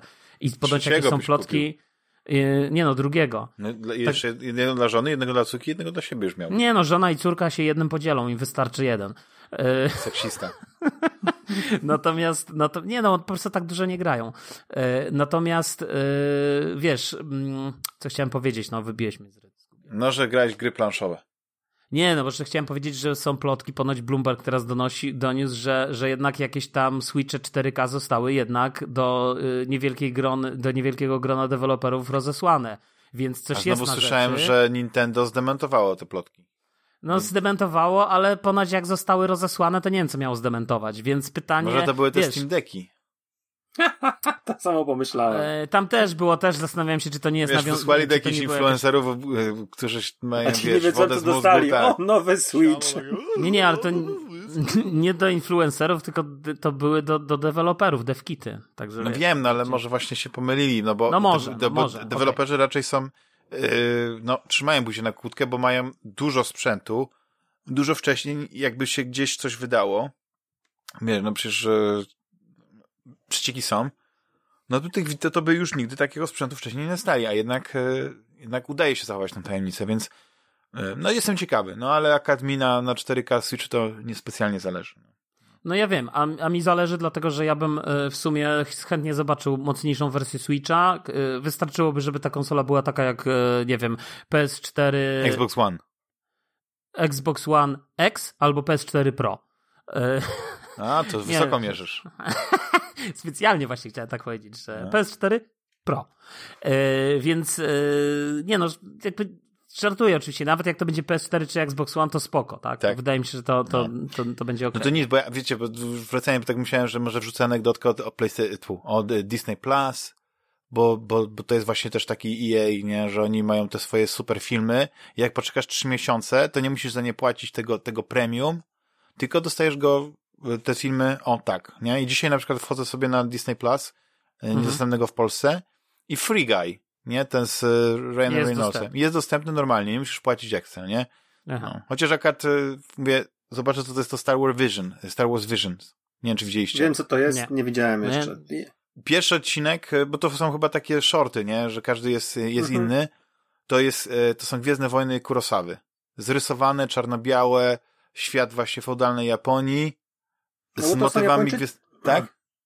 Wszystkie są przez Japończyków robione. A, aha, ale tu jest taki sznyt ciekawy, bo jest właśnie tak, że masz po prostu y, nie, y, jakby motywy Star Warsowe są bardzo ukryte, ale one się przebijają, nie? Y, Mhm. Bo tutaj widzisz, że gościu ma katanę, która jest tak naprawdę mieczem świetlnym, później jest jakiś, nagle przez tą, tą wioskę y, japońską, nie, przejeżdża jakiś tam transportowiec, nie, imperialny i z niego wychodzą żołnierze, którzy wyglądają jak te- tak, z tą przypaść ciekawe, nie powiem, ale to są, to są shorty, nie? Więc każda historia jest inna, ja obejrzałem jedną i, i byłem zaskoczony, bo ja nie wiedziałem, co to jest to Visions. Ale wracając do y, Dishonored. Ja uważam, Juliuszu, że Dishonored to jest, to jest gra dla, dla ciebie, jako fana y, pierwszego Bioshocka, który uważa, że to jest... Mhm. Ty lubisz te immersive simy, czy jak to się nazywa. No I- lubię. Na pewno też lubiłeś Deus Exa, prawda? Lubiłeś ten system Shock. Mhm. No wiesz, chodzi o to, że ty ty lubisz takie pewnie gry, których e, masz świat, Nikt nie lubi. masz coś zrobić i, i, i ty sobie sam wybierasz ścieżkę, jak to zrobić. I e, pierwszy Dishonored to jest w ogóle e, chyba wszystkich z zaskoczenia wziął, więc to była fenomenalna gra. E, Rafał, ty mówisz, że skończyłeś pierwszego Dishonored, nie? Tak. Korwo. E, tak się nazywa główny bohater. Myślałem, że to było przekleństwo, które użyłeś No właśnie nie na tak sobie powiedziałem. ty, że- ty tak korwo, ty. No i tak sobie powiedziałem, że pomyślałem, że ale to była fenomenalna gra. I druga część Dishonored była jeszcze lepsza, bo tam były motywy z, y, z, tym, z tym czasem, który, gdzie, gdzie mogłeś być w, ty, w tym samym miejscu, ale na przykład gdzieś inaczej czas płynął, nie? Jakby zmieniałeś jakiś mały, e, drobny element i, i, i wszystko się zmieniało. No po prostu fenomenalne, kapitalne gry. No i okazało się, że nigdy nie skończyłem tego dodatku, który, znaczy był dodatkiem do drugiej części, ale on później wyszedł jako taki yy, osobny, pojedynczy, nie trzeba mieć podstawki, dodatek i on jest e, na przykład też dostępny w Game Passie, nie? Czyli Death of the Outsider. I to jest taki trochę powrót do, do tego pierwszego Dishonored, nie? Że, że mamy yy, kilka misji, chyba jest, nie wiem, cztery czy pięć takich zadań, mamy świat i to jest, to co mi się podoba właśnie w Dishonored, to jest to, że Nieważne, czy jesteś dobrym graczem, który potrafi świetnie grać w gry skradankowe i korzystać z tych mocy, teleportować się, skradać się gdzieś z tyłu, wykorzystywać te wszystkie yy, te, te, te, te talizmany, nie? Jak Bone Charms chyba to się nazywa. I, i, i jakby znasz od podszewki tę grę, nie? Tylko po prostu możesz grać agresywnie, możesz e, grać tak i tak, e, możesz znajdować ukryte przejścia i mi się strasznie to podobało, bo ja potrzebowałem takiej gry, która która e, nie karała mnie za, za złe wybory podczas e, rozgrywki, nie? Że, że mogłem po prostu sam sobie coś zdecydować, a jak coś mi się nie udało, to najwyżej no, konsekwencją było zwiększenie chaosu, nie? W tym świecie, tak? Bo, bo to mniej więcej tak, tak, tak gra cię ocenia pod koniec przejścia misji, że jeśli zostałeś wykryty albo jeszcze dodatkowo zabijałeś czy cywilów, czy, czy nie wiem, żołnierzy, no to no właśnie, chaos. Zadam ci to pytanie. Eee, czy to jest ok? Bo kanonicznie w lore, no to Korwo jest mordercą, zabójcą. Tak. Służy na dworze i e, ostatecznie, jeżeli zabijasz w tej grze, to masz gorsze zakończenie, to przegrywasz. Ale to wiesz, to wszystko jest tak płynnie, wiesz, bo chodzi o to, czy jesteś skrytobójcą i zachowujesz się jak skrytobójca i zabijasz tylko tych, którzy powinni, czy na przykład uznajesz, że cel uświęca środki i po drodze yy, wiesz, Chyba nawet wytłuczesz nie, nie, nie połowę, połowę mieszkańców miasteczka, nie? Mhm. No tak, bo w ogóle można tych, tych yy, głównych celów chyba też nie zabijać. No tam, nie? tam... znaczy zależy, to mi się wydaje, że w, grze, ja już nie pamiętam dokładnie, więc mogę się mylić, ale chyba było tak, że e, te cele mogłeś jakbyś w jakiś inny sposób e, załatwić i, i to było uznawane, że, że, e, że nie użyłeś jakby śmierci. Właśnie nie pamiętam dokładnie, no bo Porwać można było tak. kogoś i wysłać do kopalni. Pamiętam, że było takie tak. coś, albo był jakiś zalotnik, który trzeba było kobietę chyba w drugim akcie zabić i chyba temu porywaczowi ją po prostu znosiłeś do łódki. Było coś takiego, nie? Tak, tak, tak. Czyli miałeś jakby, po prostu musiałeś się kogoś pozbyć, nie? Jeśli zrobiłeś mhm. to nie, y, nie zabijając, no to, no to właśnie jakby y, robiłeś to jako ten duch, jako stealth, nie? I, i, i to jest akurat takie podwyższenie, wiesz, tego, tego poziomu trudności dla siebie. Tutaj uważam, że to jest taki, to jest taki Dishonored Mini, ten, ta, część, nie? Bo ona jest mniejsza niż te, niż te poprzednie części i jest taką kwintesencją tego wszystkiego, wiesz, że, że jakby właśnie gdyby, gdyby ktoś po prostu nie zwracał e, uwagi na fabułę i nie było dla niego ważne, kto jest kim, to ja bym w ogóle nawet proponował, żeby przygodę Dishonored właśnie zacząć od, od tej części, nie? Bo tutaj... Też no, jest ma... hub? Jest, jest, znaczy nie ma takiego typowego huba, no nie, bo generalnie jest tak, że y, kilk, y, większość misji, jakby zaczynamy y, z, z tej, z, z tej barki e, Dreadful Whale, nie, na którym główna, głównej bohaterki, nie, tam jesteśmy taką zabójczynią e, o imieniu Billy, nazwisku Lerk. I jakby na, naszym pierwszym zadanie jest y, uwolnienie Dauda, nie, czyli tego, e, no postać znaną powiedzmy z poprzednich e, gier, nie, i jak już go uwolnisz, no to później zaczyna się jakby ta, ta właściwa fabuła, no nie, i ta, ta, ta, ten out, e, i dowiadujesz się, kim jest ten outsider, jeśli nie wiedziałeś, e, tak mówię, no, możesz grać po prostu nie znając poprzednich gier, no i też robisz wszystko, żeby go odnaleźć, szukasz może jakiejś zemsty, no i, i tak powiem, ta gra nie jest tak duża, jak poprzednie części i, i dlatego możesz, powiedzmy, e, nie ma takiego ciśnienia, nie wiem jak to powiedzieć, że, że y, e, jakby łatwiej mi się w nią grało niż w poprzedniej części. Ja tak, albo przynajmniej y, gdzieś ta, y, po latach moje podejście się na tyle zmieniło, że ja miałem taką swobodę w tym i ja, ja od razu też widziałem różne możliwości. To jest niesamowite, nie? Bo w samej grze masz, masz te dodatkowe moce, na przykład, nie wiem, możesz słuchać, co mówią szczury, nie? I one gdzieś tam zawsze jakieś tam podrzucą ci jakieś wskazówki, nie? Możesz podsłuchiwać rozmowy kogoś, nie? I nagle to też jest jakaś wskazówka. No ale oczywiście masz typowe takie znajdźki, nie? Jakieś audiologii, jakieś zapiski, jakieś książki i te znajdźki, oprócz tego, że mogą być tam masą tekstu, które na przykład niektórzy lubią czytać, niektórzy nie, to one też pojawiają się jako takie już konkretne w, w, w, w interfejsie y, zaznaczone wskazówki do tego, jak możesz coś zrobić w zupełnie inny sposób. No nie chcę spoilować, ale była taka jedna akcja, e, gdzie miałem się dostać, o ile się nie mylę, chyba do banku i zanim do tego banku e, mogłem się dostać, miałem opcję, żeby zdobyć pewno, pewien e, gaz, czy jakiś, jakiś, jakiś coś, jakąś substancję, już, która, która pozwoli mi wpuścić ją w system wentylacyjny i uśpić e, ludzi, no nie? I no ja sobie to zrobiłem, bo wydawało mi się, że to jest taki ciekawy wątek poboczny, nie? On był taki trochę rozbudowany, że to nie było tak, że po prostu idź do, do, e, do tego miejsca i to podnieść i to użyć tam, tylko to trzeba było chyba coś zrobić, nie? Wieloetapowe. Ale później faktycznie, jak, jak użyłem e, tej substancji, to ta końcówka to była taka bardzo ciekawa, bo ja chodziłem po tych e, przestrzeniach i widziałem, że ci ludzie powiedzmy leżą gdzieś tu na ziemi, tu tak, wiesz, to jest niesamowite, jak, jak wiele tych systemów gdzieś się tam właśnie przenika, jak to wszystko funkcjonuje. I dlatego uważam, że Dishonored to, to jest jedna z najlepszych serii, jakie poprzednia generacja, nie, znaczy właśnie nie poprzednia, bo to jest jeszcze PlayStation 3 i Xbox 360, ale to jest najlepsza e, seria, e, czy nowa marka, która powstała od, od, od wielu lat. I ja ubolewam nad tym, że po sukcesie pierwszej części ta druga, mimo że była zdecydowanie lepsza, już takiego sukcesu nie osiągnęła. I, i nie wiem, z czego to wynika, i później e, te kolejne gry Arkane Studio, jak Prey, też nie osiągnęły jakiegoś takiego e, sukcesu chyba komercyjnego, na jaki by m, te, gry zasługiwały, nie? Znaczy wiesz, jest, jest, e, mi się wydaje, że to jednak yy, specyficzne gry. No.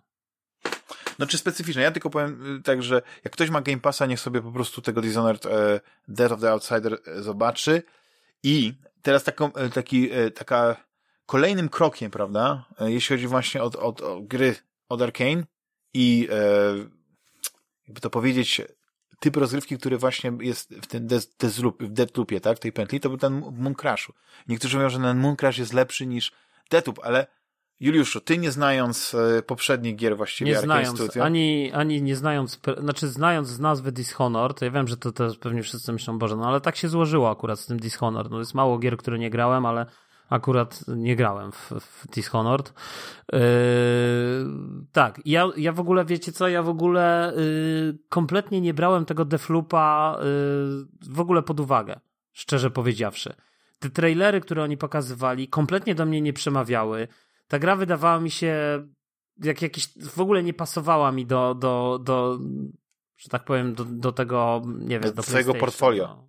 Gier, tak, do tego lubisz. całego portfolio gier.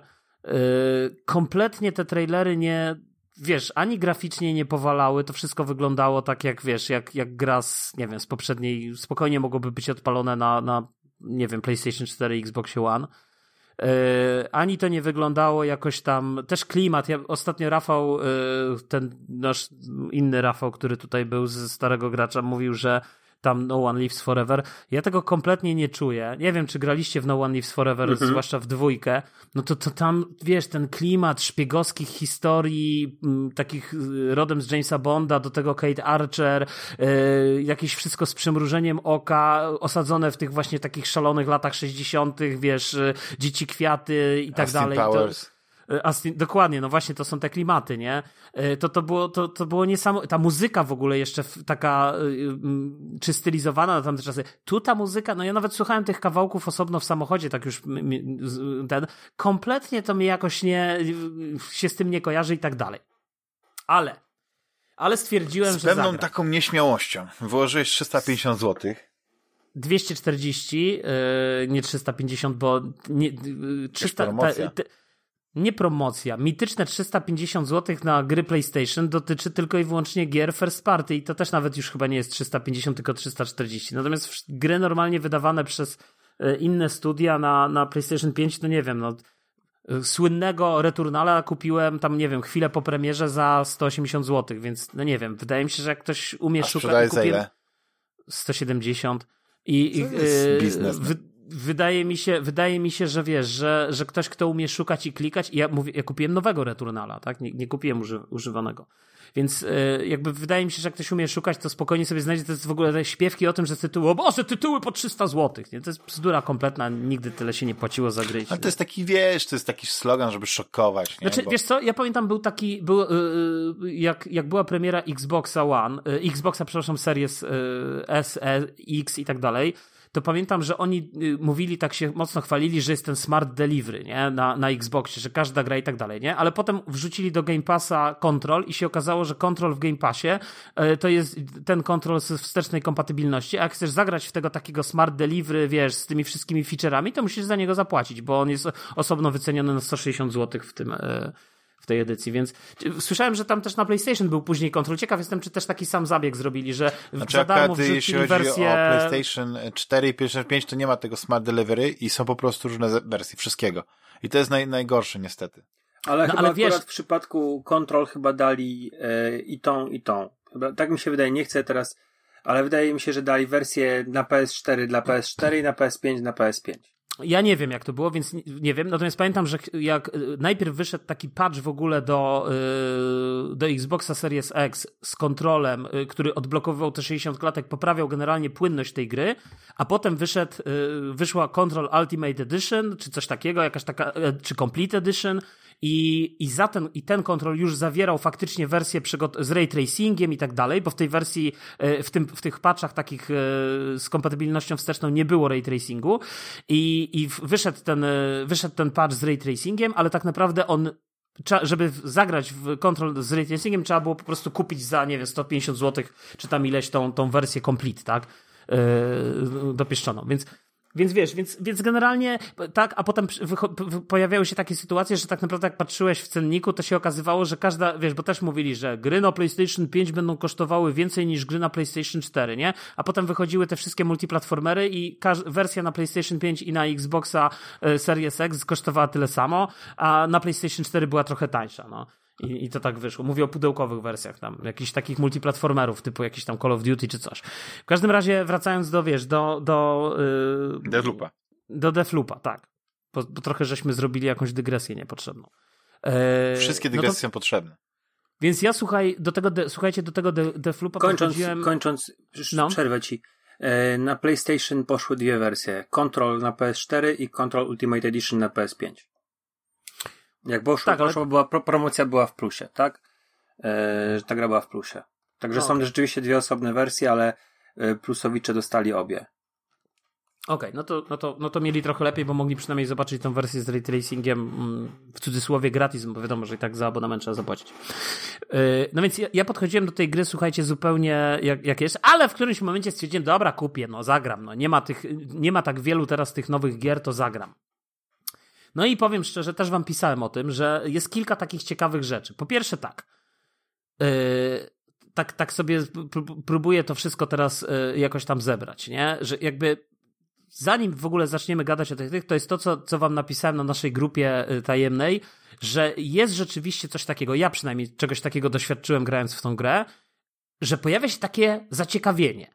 I takie zaciekawienie, że nie wiesz o co chodzi, ale chcesz się dowiedzieć więcej, chcesz, chcesz dalej poznawać tą historię i rzeczywiście masz taki efekt, trochę pamiętam jak grałem w Bioshocka. Dlatego dla mnie to porównanie, bo też się pojawiały porównania do Bioshocka, e, ale może właśnie pod kątem, że Immersive Sim, chociaż moim zdaniem one nie są akurat tutaj aż jakoś tam mocno uprawnione, ale rzeczywiście jak grałem w pierwszego Bioshocka, to też był taki efekt, takiego jakiegoś, wiesz, ten świat jest taki ciekawy, wciągający, jest coś takiego, coś świeżego, coś nowego, coś innego zupełnie, tak? Nawet nie chodzi o to, czy świeżego, czy nowego, ale coś zupełnie innego, y, na tyle ciekawego i takiego, no, wiesz, że tak się tak trochę nieśmiało, fajne, wejdę, wiesz, zobaczę. Ale to jest świat dalej, y, współczesny, czy to jest świat y, stylizowany jakiś? Nie, no to jest, to 60? jest. Nie, to nie są lata 60. To, to, jest, to jest jakaś chora wizja. I właśnie to jest też właśnie bardzo ciekawe, że to jest rzeczywiście to tak jak Bioshock, tylko zrobiony Bioshock na jakiejś wyspie, tylko na wyspie, gdzie masz po, przemieszane lata 60., przemieszane z nie wiem czym tak naprawdę, z jakąś psychodelią. No ale to w sumie ta psychodelia jest częścią lat 60. Jakby się ktoś tam na, narąbał. Teraz tak. Yy, od razu powiem jedną rzecz, która jest dla mnie, bo też widziałem dyskusję, tam ktoś napisał, że, że polska wersja jest dobra, ale ktoś inny napisał, że jakaś inna. Nie, polska wersja jest zajebista. To jest po prostu wow. Ja włączyłem sobie na chwilę wersję. To jest majstersztyk. Ja włączyłem sobie na chwilę wersję y, angielską.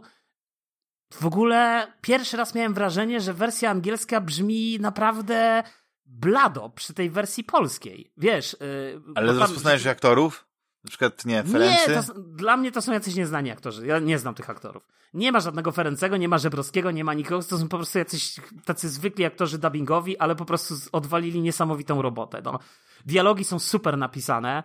W ogóle jest taka chemia między tymi postaciami, wiesz, y, tej y, Juliany i, i, i tym Coltem i rzeczywiście, jak, yy, yy, bo jest oczywiście ten myk, jest znakomite wykorzystanie pada. Też pamiętam się ludzie, yy, ja nawet byłem, tak mocno krytykowałem kiedyś chyba tego pada PlayStation, że a, to tam w sumie żaden feature, żadna gra tego nie będzie wykorzystywać, a tymczasem się okazuje, że każda gra na PlayStation 5, nieważne czy jest first party czy third party, i tak wykorzystuje feature'y z, wiesz, te adaptacyjne triggery i głośniczek i tak dalej, nie? No i rzeczywiście, wiesz, tu są te, te, tak jak w No More Heroes na Wii kiedyś, nie? Że pamiętam, pamiętam jakie to było wrażenie, że odpaliłem No More Heroes i nagle tam ktoś do mnie dzwoni, a tu nagle pad mi zaczyna dzwonić, nie? I muszę na padzie nacisnąć guzik i pad, ten Wiilot zaczyna do mnie gadać, nie? No więc to było powiedzmy tam, nie wiem, z 15 lat temu na Wii, a teraz jest to samo na, na Xbox, na tym, na PlayStation, tak? Że po prostu, wiesz, yy, wszystkie dialogi Juliany przez radio idą z tego pada, nie? I tak samo jak ci ludzie potem przez radio się z tobą komunikują, to ty to z tego pada słyszysz, no. Niesamowite. Więc, y, więc, więc to bardzo fajnie, fajnie buduje taki efekt imersji. I co więcej, wiesz, jest takie fajne wrażenie, że on, ona gada spada, a z głośników y, gada ten Colt. I oni ze sobą normalnie rozmawiają jak w ping-pongu, nie? Ten dialog mhm. leci, wiesz. Ale wiesz co, bo tak bardzo ciekawie opowiadasz tak trochę dookoła, bo nie wspominasz fabuły i nie wspominasz też, chociaż tak. o tym żeśmy mówili, bo o tej głównej mnie, mechanice, czyli no, tego, Damian, tego... Znasz, zaraz o tym powiem, ale znasz mnie nie od dziś i myślę, że słuchacze też mnie znają, że ja jestem człowiekiem, który się brzydzi powtarzania tych wszystkich pustych sloganów, które powtarzają wszyscy odnośnie tych gier, czyli otwierasz recenzję Deflupa i każda recenzja jakby jest zestaw powiedzmy akapitów, które musisz jakby uwzględnić, żebyśmy mieli do czynienia z recenzją Deflupa. No ale, ale Juliuszu, Byłeś Zajmiemy recenzentem, więc na pewno nieraz zdarzało ci się, że z grą do recenzji dostawałeś tak zwany review guide i tam w review guide dla, dla jak to się ułatwienia, były wszystkie te y, bullet pointy Dokładnie. wyszczególnione. Tak, I mogłeś więc... po prostu napisać nie grając w grę recenzję, Dokładnie. tylko Natomiast, po prostu powtarzając slogan. Yy, słuchaj, no jeszcze wracając właśnie do, więc, ale to są myślę najważniejsze rzeczy. Ten świat, ten świat jest w ogóle strona wizualna, ale właśnie teraz y, y, już trochę jeszcze, jeszcze nie, nie dochodząc do tego, tylko chciałem chwilę powiedzieć o stronie wizualnej, tak? Bo modele postaci i grafika, no nie jest to coś, co nie mogłoby się ukazać na poprzedniej generacji. One Myślę, że spokojnie. Słucham? Stylizowane są w taki sposób. Tak, ale chodzi mi o to, że te modele postaci są słabe. Lekko karykaturalnie ale są słabe. Mhm. Tak technicznie, z technicznego punktu widzenia. I animacja tych postaci też jest taka trochę kwadratowa. No, nie, nie jest to jakieś tam. To jest słaby punkt. Natomiast na pewno plansze i na pewno levele generalnie, tak? Czyli, bo, bo tylko do postaci bym się przyczepił, bo, bo levele generalnie wyglądają super. Znaczy uważam, że grafika, właśnie jakby odchodząc trochę od technikaliów, tak, technicznie to nie jest na pewno y, wyciśnięcie z tej generacji wszystkiego, co się da ale, ale obraz jest super ostry, sub, wiesz, w 4K, 60 klatek, super płynny, yy, bo ja gram w 60, no, jakby nie jestem w stanie grać w 30, przepraszam, wiem, że jest ten ray A co, możesz sobie tak ustawić ale... 30 klatek tam? Może, bo jeżeli ustawisz 30, to znaczy możesz ustawić ten tryb z ray tracingiem i wtedy masz 30 klatek. A możesz grać bez ray tracingu i masz 60. Więc, yy, więc, więc szczerze powiedziawszy, yy, słabo się gra w, te, w tych 30, ale, ale konwencja graficzna, wiesz, te jakieś na przykład, nie wiem, jakieś takie z telewizorów zbudowane, na których jakieś takie hipnotyzujące yy, te, no musiałbyś zobaczyć te lokacje, jak one są zrobione. Do tego te lokacje są bardzo umiejętnie, gracz wchodzi w te lokacje, bo na początku jest tak, że zaczynasz tylko mały fragment widzisz, a potem się okazuje, że ta lokacja jest strasznie duża i tak naprawdę jest mnóstwo różnych ścieżek do innych miejsc, że, że jakby możesz sobie eksplorować, wiesz, że jakby, no, to, to jest niesamowite, wiesz. Teraz miałem ostatnio, bo teraz niestety od tam kilku dni nie grałem, bo, bo znowu zmieniłem swoją miejscówkę. W związku z tym yy, wziąłem ze sobą tylko Switcha, więc yy, jak grałem, to jeszcze było tak, że zabiłem jednego bossa, który gdzieś, jednego z tych bossa, w cudzysłowie, jednego z tych wizjonerów, który, który znajdował się w takim jakby e, no nie wesołym miasteczku, ale mm, powiedzmy tam są jakieś takie dekoracje, niby wiesz, taki, taki park rozrywki jakby zrobiony, nie? I tam są niby kosmici i tak dalej, ale to jest taka dekoracja zrobiona i ty sobie tam chodzisz, a tam wyskakują jakieś duchy. No to to wygląda super. Wiesz, ale właśnie z jednej strony wygląda, te, zarówno technicznie dobrze to wygląda, ale przede wszystkim ta urzekająca jest ta, wiesz, ten, ten sznyt taki, wiesz, wizualny, artystyczny, no nie chcę, boję się używać tego słowa artystyczny, bo, bo wydaje mi się, że to nie pasuje, ale ten sznyt taki, yy, Wiem, no no właśnie, bo- ten Znaczy, pomysł, właśnie wiesz. dlatego to- ja żałuję, że, że nie miałeś tej styczności z Dishonored. Bo byś właśnie tam chyba po raz pierwszy go zobaczył, no nie? Tylko, że y, tylko nie, no, jest znaczy, Ale też bardziej jest bardziej karykaturalny, ale bo tutaj nie no, to, przy- nie grałem w grę, widziałem trailery, widziałem materiały promocyjne i tutaj jest, i mimo wszystko, oni są stylizowani. Ci przeciwnicy mają jakieś takie maski, malunki, ale Dishonored ma karykaturalną kreskę. To są taka, jest y, komiksowy sznyt ma mocny, no. Znaczy, wiesz Nie- co, no, nie zgodzisz się nie grałem na tyle Deathloop, żeby tak. Mają inne proporcje, mają takie większe, ci na przykład żołnierze mają takie wielkie ciała yy, Nie, nie, w no barkach, tutaj- nie? To, to, to, to jest yy, w Dishonored. Tutaj oni są, tutaj jakby proporcje są normalne, to znaczy widzisz, że to są normalni jakby ludzie, tylko tyle, że są dziwnie poubierani, ale chodzi o to, że nawet te ich przebrania i tak dalej, to jakby są słabe, słabo to jest zrobione, to znaczy to, to nie widać, że to jest człowiek przebrany w jakiś strój, tylko to widać, że to jest taki kiepskiej jakości model zrobiony, który jest, nie wiem, trzy tekstury na krzyż narzucone, no tak bym powiedział. No wygląda to słabo, no jak się zakradasz do, wiesz, i zabijasz na przykład, nie wiem, od tyłu gościa yy, tym nożem tam podrzynasz, czy, czy yy, kopiesz go gdzieś w tą przepaść, no niby jest ta kreska, niby jest to wystylizowane, wszystko ja to rozumiem, ale to jakby no, no nie, no, no kwadratowa, animacja postaci jest słaba, no nie, nie chcę się nad tym rozwodzić, no. Mam takie pytanie do ciebie jeszcze, e, bo No. mam tutaj wynotowane na karteczce pewne rzeczy i czy mm, jak gra się, to też się pojawiają jakieś napisy takie Mhm. Tak, w powietrzu, czy Jest, to jest, jest, jest. jest coś takiego? jest. Okej, czyli to nie był element y, trailera, czyli to było w gameplayu. Nie, nie, to jest normalnie w gameplayu, to jest super. Super. I to jest super. Znaczy, w ogóle, w ogóle, słuchajcie, no, obcowanie z tą grą jest super. Tak. Mi się, mnie strasznie stresuje, y, przynajmniej na początku, zaczęła mnie stresować ta sytuacja, jak w końcu, bo na początku y, chyba zablokowałem sobie granie online i się zastanawiam, dlaczego nie mogę do nikogo dołączyć, bo mi wyszukiwał, wyszukiwał i nie znalazł. Ale w końcu udało mi się to odblokować i mogłem zacząć najeżdżać inne gry, jako Juliana w którymś momencie, no i też y, jakby Juliana zaczęła mnie najeżdżać. I teraz w tej grze jest to tak zrobione, że jeżeli na planszy czy w misji, którą wykonujesz danego dnia, o tam o tej określonej porze i tak dalej, jest jakiś ten wizjoner, ten, którego, jeden z tych powiedzmy ośmiu, ośmiu razem z Julianą, których musisz zabić, y, to wtedy jest szansa, że Juliana może cię najechać.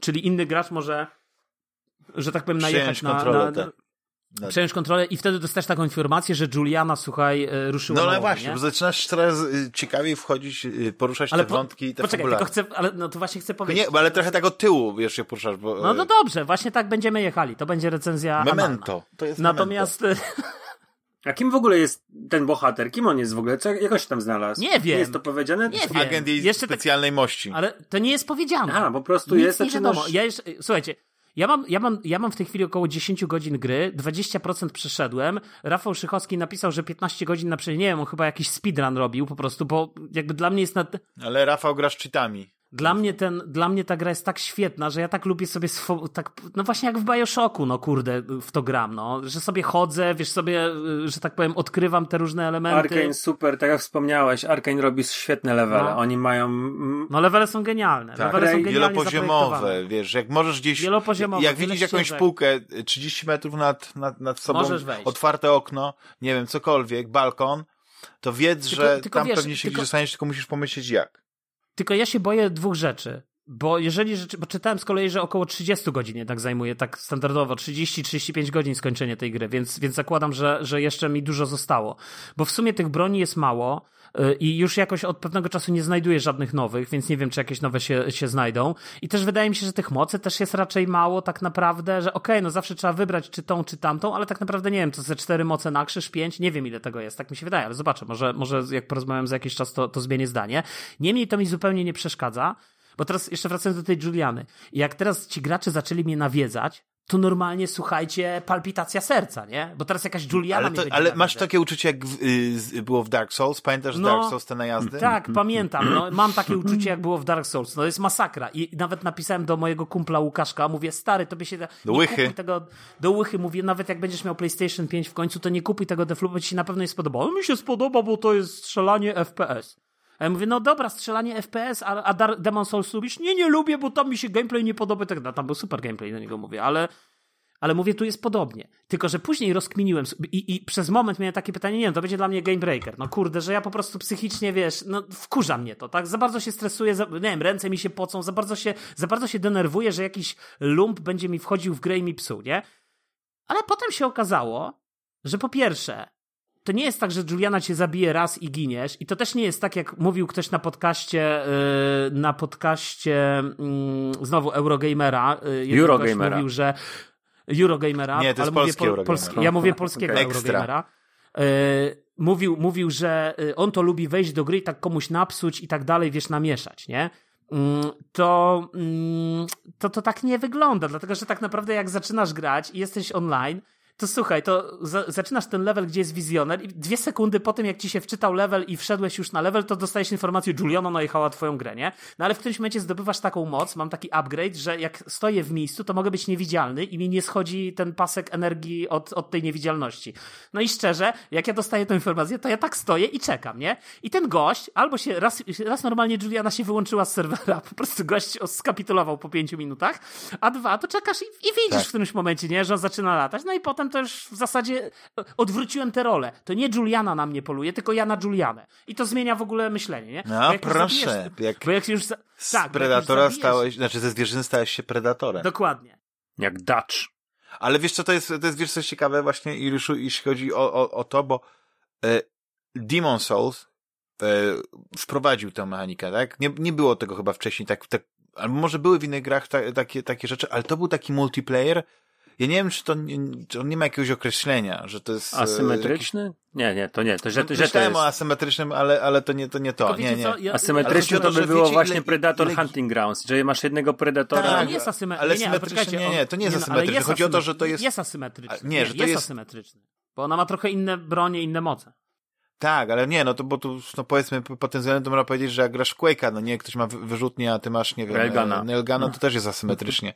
Railguna. Nie, ja, ja walnąłem głupotę. Ale, ale, ale chodzi o to, że innego. tak, ale chodzi o to, że po prostu ta mechanika, ona jak jest dobrze zaimplementowana, to chyba jest najbardziej ekscy- ekscytującym yy, multiplayerem, że się tak wyrażę, jaki wymyślono ostatnio w grach, nie? Bo Ale- ale wiadomo, powiem- że te wszystkie nie, Battle Royale są ekscytujące i to wszystko jest fajne, ale ten motyw najazdu, nie wiem, graliście w Watch Dogi?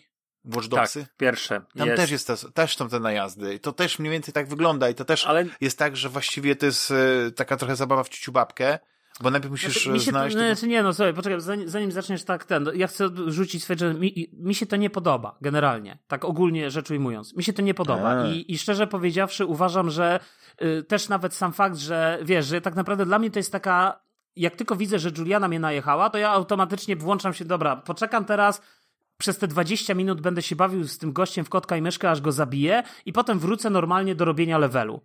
No bo wiem, ale to w takim generalnie- razie nie lepiej byłoby dla ciebie wyłączyć najazdy? A nie, on też chce najeżdżać ludzi. Mm, Aha, ale nie, to nie, nie, nie to, że chcę najeżdżać, to nie o to chodzi, tylko to jak w, w, właśnie wolę zostawić te najazdy, bo to jest nawet dla mnie łatwiej, dlatego że jak, jak nie wyłączysz tych najazdów, to ta Juliana się po prostu, chyba wtedy nie masz informacji, że ona cię najechała, tylko wtedy po prostu ona się Znaczy, w bo rozumiem, że pojawi. w no. grze, która jest, e, to może ja coś tak zdradzę i ty mnie poprawisz, że w tej grze wcielamy się w postać, o której mało co wiemy, ale wiemy, że mamy zabić, nie wiem, tych ośmiu Znaczy wiemy, że chcemy, to się odkrywamy, że tak? chcemy się wydostać z tej wyspy, że jest jakaś Juliana, którą na początku poznajemy, która zdaje się wiedzieć coś więcej, kim ona do cholery jest, on z nią cały czas gada i ja jeszcze nie doszedłem do tego momentu, w którym to się rozstrzyga, w związku i, i, Mhm. i jest coś więcej, a przeszedłem już trochę w tej grze, więc wydaje mi się, że wiesz, że... Yy, To właśnie, jak to się wpisuje ten motyw e, pętli w to wszystko właśnie? nie, no to się super wpisuje. To znaczy, akurat w ogóle wydaje mi się, że te y, roguelike'i, generalnie, czy tam roguelite'y, to jest jakiś dzisiaj znak czasów. Tak jak sobie ostatnio myślałem, że nie wiem, z 10 czy 15 lat temu był taki moment, że nagle był wysyp FPS-ów. I jakby gatunek FPS, w, z w ogóle gier z widokiem, w którymś momencie tak, tak gry się zdefiniowały, że 90% tego, co powstawało, zwłaszcza w mainstreamie, to były FPS-y takie czy inne, nie? Że RPG nagle zaczęły być z widoku, z oczu bohatera, że jakieś tam inne gry zaczęły być z widoku albo implementować ten widok i tak dalej. A dzisiaj od pewnego czasu żyjemy w, takich, w, takich, w takim momencie historii gier, że jest jakaś faza na te roguelike'i, nie? Że, że generalnie to umieranie, ten returnal, to jest mnóstwo tego i, i co chwila zobaczcie, jak, jak spojrzycie Hades, Rogue, ten Returnal, właśnie teraz ten Deathloop, że te gry, i to są gry z mainstreamu tak naprawdę. Tak, ale wiesz, że to jest one- odpowiedź na, na to, że y, gry do pewnego momentu, tak jak mówię, już nie chodzi o gatunki, no nie, ale też można powiedzieć, że shootery, y, które nie miały tego mocnego komponentu multiplayerowego, to się przechodziło od początku do końca y, pewną oskryptowaną historię i naprawdę trzeba było się napracować, żeby zrobić ileś tam leveli, żeby one były ciekawe i starczyły powiedzmy na te minimum 8 godzin, bo inaczej gra była za krótka. A teraz możesz zrobić poziom, który tak naprawdę, jeśli to byłaby tradycyjna gra, to ten poziom byś przeszedł, powiedzmy, w cudzysłowie oczywiście mówię, dwie godziny, ale on jest tak skonstruowany i ten mechanizm pętli dochodzi, że to musisz to powtarzać, powtarzać, powtarzać, że wracasz jakby y, y, do korzeni, nie wiem, starych gier jeszcze platformówek nawet, gdzie grało się od początku, taką, taką kontrę jak grałeś na, na, na, na Pegasusie, to jak zginąłeś, te trzy ludziki straciłeś życie, to musiałeś wszystko od początku zaczynać, nie? Ja nie mówię, że wtedy to, to były te prekursory y, roguelike'ów. Nie, ale takiego, tutaj, ale... wiesz co, ale to, tutaj tak nie ma. Nie, nie, tutaj... Ale chodzi mi o to, że masz krótszą grę, ale ona starcza na dłużej właśnie dzięki tej, tej mechanice. Może, może, no. Y, Mam dwa pytania o pętlę. Tylko, tylko mhm. poczekaj, tylko ja jeszcze tu jedno słowo chciałem powiedzieć. Jakby to, że to jest Słuchajcie, to, że to jest pętla, to, to, to jakby i ten, i ten romans taki z, rogla, z rogalikami, jakby znowu, Deathloop jest y, lightową, super lightową wersją. Deathloop jest tak jak Hades, że to jakby to, to nie są gry, które yy, to są, ostatnio nawet myślałem, że o tym też warto powiedzieć, że Hades robi dużo yy, pod względem gameplayowym, takim rozgrywkowym, robi dużo więcej, e, ro, robi, robi poniekąd trochę to, co Returnal, ale robi to dużo lepiej w wielu kwestiach, że Returnal jednak tą poprzeczkę hardkorowości, mimo że też mówią, że to jest light i tak dalej, ale wydaje mi się... Hades jest roguelike'iem, ale fabularnie nie ma pętli. Dobrze, ale mi nie chodzi o fętlę fabularną, ja mówię teraz o czystą mhm. mechanikę, tak, że jakby giniesz, odradzasz się i zawsze zaczynasz od początku i jakby w tym względzie, Dobra, no. i w tym względzie wydaje mi się, że Returnal yy, jest tą, tą, tą wajchę bardziej, mimo że też nie jest to powiedzmy super hardkorowe, ale ma bardziej w stronę tego bardziej hardkorowego. Ja generalnie, mimo wszystko, nie do końca jestem wielkim fanem tych roguelite'ów. Bardziej lubię to w wersji light, czyli takiej jak Hades i, i takiej jak Deathloop zdecydowanie, bo tutaj ta gracie w żaden jakby Okej, okay, miałem taki moment, że słuchajcie, miałem, yy, byłem w takim momencie, że miałem dwóch wizjonerów i obu zabiłem. Miałem taki run, i wracałem z tego ranu i wcześniej zabiłem też Julianę i wracałem z tego ranu yy, i miałem cały czas dwa życia, bo nie zginąłem ani razu. Yy, I już byłem zmęczony, bo już chyba z godzina grałem ten level, bo to wiesz, się tam skradałem, przechodziłem i tak obłowiony lutem po prostu czym się dało, nie? I to był ostatni dzień, ostatnia pora roku z danego dnia i dwa razy zginąłem. Ja się tak wkurzyłem, że po prostu stwierd... no, to był taki drugi moment, w którym myślałem, że nie no, wywalę tego Deflupa po prostu zaraz na Allegro i nie będę tego, po prostu nie będę w to grał, nie? Bo to mnie wkurzyło po prostu zwyczajnie. Ale potem się okazało, że ta gra jest na tyle lightowa w tym podejściu yy, i na tyle nie, mimo wszystko nie karząca tego gracza w taki sposób jak na przykład Returnal, że, yy, że właśnie, że, że jest to dużo lepiej rozwiązane, dużo bardziej lejtowo i dużo bardziej w służbie fabularnej przyjemności dla gracza i, i tego, żeby ta fabuła się rozwijała, że to jest tylko tak naprawdę taki to, co lubię, czyli ktoś wziął fajną fabułę i myślał, aha, do tej fabuły będzie pasować ta mechanika. To teraz nie zróbmy gry taką, że po prostu ludzie się zabiją i wiesz, pamiętam, do dziś pamiętam jak w Returnalu, wiem, fajna gra i tak dalej, ale pamiętam cały czas jak w Returnalu yy, zdjąłem pierwszy pasek bossa i się cieszę, wow, jest, zajebiście, a potem patrzę, cholera, on ma jeszcze dwa takie paski do zdjęcia. Nie no, come on, nie? A zajęło mi to naprawdę dużo i, i, i było to dla mnie dużym wysiłkiem i, i przez chwilę myślałem, nie no, to jest poza moim zasięgiem, nie? Jakby ilość czasu, którą musisz tego returnala włożyć jest, jest stanowczo za duża e, w stosunku do tego, co tam fabularnie, powiedzmy, ta gra ci oferuje, a wiem, że ona też oferuje ciekawe rzeczy, tylko ja tego nigdy nie zaznam, właśnie dlatego, że się odbiłem. Natomiast w Deflupie nie. W Deflupie jak chcę zagrać. Poza tym jest druga kwestia. Jeżeli nie ma wizjonerów na planszy, to wtedy Juliana cię nie nawiedza i nie ma możliwości, żeby cię nawiedziła. Więc to też pewien komfort gry, bo możesz sobie po prostu dłużej przechodzić grę, pofarmić sobie, wiesz, te rezyduum, po, podblo... Wiesz, ja myślałem na przykład... Właśnie, bo to rezyduum to jest jedyna rzecz, która przechodzi. Tak. Rozumiem w tych cyklach, tych pętli. No i broń, dlatego że chodzi o to, że właśnie to jest to, że to rezyduum wydajesz na to, żeby sobie jakby zablokować broń i mieć ją na zawsze już. No i wiesz, mm. i to, mm -hmm. ja już mam teraz, wiesz, to, także mówię. W jak to jest, Arnold Schwarzenegger w Predatorze. Czyli ta, czyli ta pętla jest de facto właśnie tak naprawdę tylko w służbie fabuły. a nie w, trochę w służbie gameplayu, okej, okay, ale, ale jakby to nie jest tak, y, jak właśnie w Returnalu, bo w Returnalu ty nie masz możliwości, żebyś, żeby zawsze zaczynasz z pistoletem, no. Ale to też jest taka kwintesencja właśnie, wiecie czego? Tego dnia świstaka. Tylko ja nie wiem, że, yy, yy, znaczy generalnie chodzi o to, żebyś ty właśnie powtarzał i w, z każdym cyklem był coraz lepszy. Tak wiesz, w, w jednym cyklu no okay. dopiero, dopiero zacząłeś Dobra, uczyć no to... się grać na, na, na Słuchaj, fortepianie, ja się, ja się... a w, po, po 20 cyklach ty już jesteś e, wirtuozem, no nie? Czy coś takiego, no nie? Chodzi Słuchaj, ja, to, się że... nie chcę, ja, się nie chcę, ja się nie chcę wykłócać, tak? Ale jeżeli ja po 16 godzinach w Returnala cały czas nie byłem w stanie y, zjechać y, drugiego paska, drugiego bossa, no to albo jestem totalną lamą, pewnie tak, załóżmy, że jestem totalną lamą i jestem słabym graczem, okej, okay, możecie tak powiedzieć, a z drugiej strony zaczęło mnie to zwyczajnie wkurzać, no, że wiesz, że jakby finalnie, no come on, no, nie po to kupuję grę, żeby teraz, nie wiem, 40 godzin grać jakiegoś durnego bossa 50 razy zabijać, no, ewidentnie to nie jest gra dla mnie, no i tyle.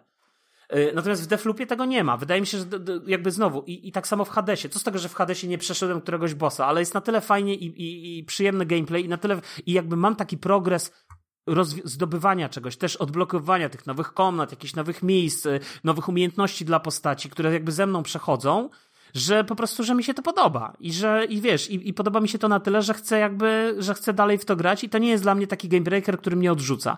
A w przypadku niestety yy, Returnal tak było. Ale dobra, bo niepotrzebnie o tym Returnalu nie chcę już chodzić, nie już wracać do Returnala, tak? Bo ta gra myślę, że też jest ciekawa, może kiedyś do niej wrócę, ale na pewno nie teraz. Natomiast Deathloop jest dla mnie tytułem, powiem tak, tak jeszcze na tym etapie, zanim zajdę wam do głosu, to jeszcze tak rzucę tutaj taki granat. Gra roku. Zdecydowanie. Zdecydowanie yy, wow. nie grałem w Psychonauts, więc yy, podejrzewam, że pewnie te dwie gry mogłyby stanąć w szranki, ale to, co w dalszym ciągu, to, co w dalszym ciągu bym powiedział, jest, mówi, y, stoi za, za Defloopem, to jest to, że to jest nowe, świeże. Tak. Ja wiem, że oni zrobili Arkane, że to są ten, ale to nie jest kontynuacja ich gry, tylko to jest wizja tego świata jest niesamowita Wizja w Psychonauts też jest niesamowita, ale już była w Psychonauts 1, więc to jest jakby kontynuacja. Więc tu jest po prostu mhm. nowe, świeże, wiesz, takie no, kapitalne. Kapitalne. Po, strasznie mi się podoba, y, bohaterowie mi się strasznie podobają. Juliana w ogóle, bardzo mi się podoba ten model postaci, jest super. Ta, ta świetna postać, jest no super. No. no to ja mam do ciebie prośbę, Juszu. Jak już skończysz z, z Devloopem, to sięgnij po Dishonored Definitive Edition na PlayStation No wiem, sięgnę, wiem. Jest na PlayStation, na PlayStation jest jakiś pack w ogóle taki, gdzie jest Dishonored, Dishonored 1, 2, wszystkie dodatki, jeszcze Prey nawet, chociaż w Preya to mi się nie chce grać, ale, ale, ale jest wszystko, no, więc, więc pewnie... Znaczy ja, ja prawdopodobnie, jeśli chodzi o, o Preya, to muszę zobaczyć w takim razie, tylko chyba zrobię tak w tej kolejności, że jak już będę miał PlayStation 5 i zagram w Deadloopa, skończę Deadloopa, to wrócę właśnie do tego Moon Crasha, no nie? Czyli to też yy, jakby o podobnym pomyśle, nie? Gdzieś tam, e, jeśli chodzi o, o rozrywkę, no ale no w innym klimacie zupełnie, nie? Dwa pytania mam do ciebie. Co restartuje pętlę? Twoja śmierć, czy ten koniec dnia ją się powtarza? Nie, twoja śmierć. To znaczy, możesz zginąć. Trzy. E, dwa razy. A, nie, trzecia śmierć powoduje, chyba że później, może tam Rafał coś zdradził, że może coś odblokowujesz, bo na początku w ogóle zginiesz raz i, i jest pętla. Potem znajdujesz, na samym początku gry znajdujesz taki, nie wiem, upgrade, który powoduje, że y, y, dwa razy możesz zginąć, tak? I trzecia śmierć powoduje, że, że się resetuje i wtedy cały dzień się resetuje, tak? Y, mhm. Natomiast jak y, na przykład, nie wiem, zginiesz dwa razy y, i skończysz level, i załóżmy, że to było południe, bo tam masz cztery te pory dnia, no to tak naprawdę w nowym levelu już zaczynasz od zera, nie? Znowu masz te, te dwie śmierci, więc znowu, tu, tu jest parę takich myków, wiesz, yy, user-friendly, że tak powiem, nie? Pod gracza. Rozumiem. Że to nie jest tak, że jak, na, jak, jak o świcie pójdziesz i wiesz, i zginiesz właśnie dwa razy, to już potem do końca tego danego dnia masz tylko jedną, jeden raz możesz zginąć, tak? Mhm. A drugie mam takie pytanie do ciebie, bo powiedziałeś, że Juliana wie trochę więcej i od ciebie.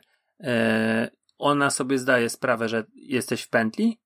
Ona też jest w pętli? Ona wie o tym? Nie, ona wie, bo oni przecież jak rozmawiają i ona, wiesz, cały czas tam takie rzuca mu kośliwe uwagi, to cały czas się robi sobie drzełacha z niego, nie? Więc jakby, ale ja też nie wiem w jakim stopniu, bo to, słuchaj, no raz, że nie wiem fabularnie, a dwa, że nawet jakbym wiedział, to i tak bym nie powiedział, bo po co mam zdradzać ludziom te, te myki, no. Na początku nic nie wiesz. Budzisz się, po prostu nie wiesz nic, nie? Od, odfalasz jakiś ten, tam jest, znasz kod.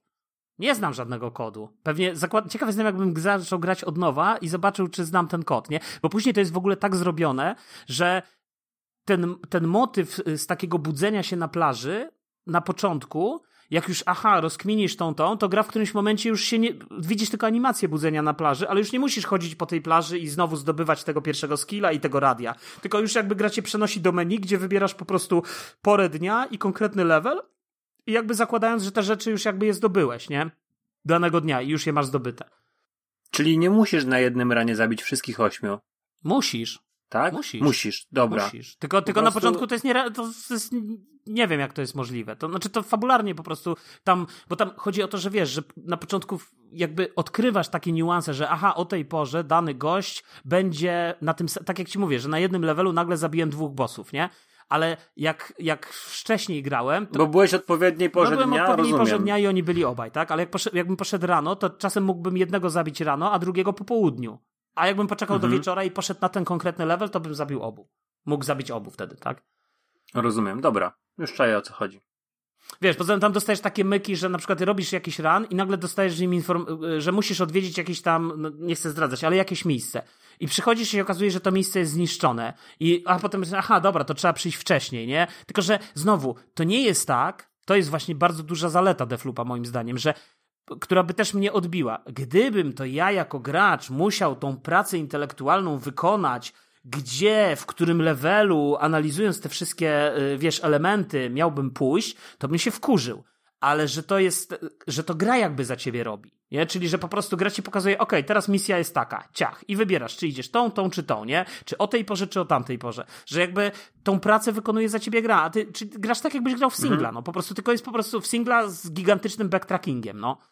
Bo cały czas jakby chodzisz te same levele. To są tylko cztery. Ja przez chwilę myślałem, że tych leveli jest osiem, ale to są cztery levele, są różne pory dnia i różne pogody jeszcze mogą być na tych levelach. E, Więc, więc tego jest mało. Wydaje się, że ta gra jest w sumie dość mała, tak naprawdę, swoją drogą, tak, tak rozmiarowo, ale. No ale jak powiedziałeś, levele się zmieniają, nie? Może mogą się zmieniać, więc Znaczy, one się nie zmieniają, nie, układ się nie zmienia. One się zmieniają w tym sensie, że na przykład w pierwszych misjach yy, widzisz naprawdę naparstek tego levelu. W kolejnych widzisz już dużo więcej, a potem zaczynasz, wow, tu jest inna ścieżka, tu możesz iść tą drogą, możesz iść tą, tu możesz przejść, tu możesz iść. Na przykład rozkminiłem na przykład, że ale po co ja tam w ogóle walczę, jak wystarczyło wejść na taki daszek i z tego daszka wszystkich rozwalić, nie? I jakby wiesz, i za kolejnym ranem już tylko w ten sposób byś robił, nie? Ale jak, normalnie jakbym y, zamykam oczy i ja nie myślę Deathloop, tylko ja myślę Dishonored. Jeśli chodzi o właśnie o, o, o, o to, jak... Słuchaj, jak możliwe, no możliwe, tylko że. No, ja- ale wiesz, no tylko to jest naturalna ich, no to jest ich gra, Oczywiście, to- to, jest wiesz, jakby- naturalny rozwój tego, oni tylko, że coś nowego wprowadzili, tylko ja słyszałem, że po prostu ta, ta ścieżka trochę jest podyktowana tym, że jak artysta ma pewne ograniczone środki, to musi rzeźbić i czasami to lepiej mu wychodzi i i te ograniczenia, jeśli chodzi właśnie, że nie wiem, może nie mieli tyle pieniędzy, to, to była taka wóz albo przewóz trochę gra dla Arkane, nie? I, i, i, I udało im się właśnie przez te ograniczenia zrobić coś nies- niesamowitego. Słuchajcie, gra jest świetna i, i, i na pewno rzecz, tak, taką miałem konotację, że y, ja wiem, że tam Microsoft mówił, że oni dotrzymają tych wszystkich umów, ale też wszyscy wiemy, że Microsoft dopłaca mnóstwo pieniędzy, kupuje studia, wydaje na to ogromne pieniądze i moim zdaniem Microsoft było stać na to, żeby skancelować tą grę na PlayStation i wydać ją na Xboxa.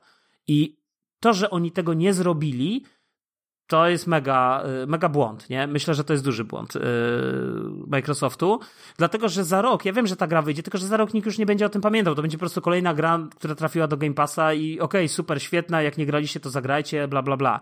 Natomiast wiesz, albo z drugiej strony ona może przeżyć jakąś drugą młodość, bo wtedy te Game Passowicze, e, Okej. którzy jeżdżą na, tylko na, na Game Passie, odkryją nowy tytuł.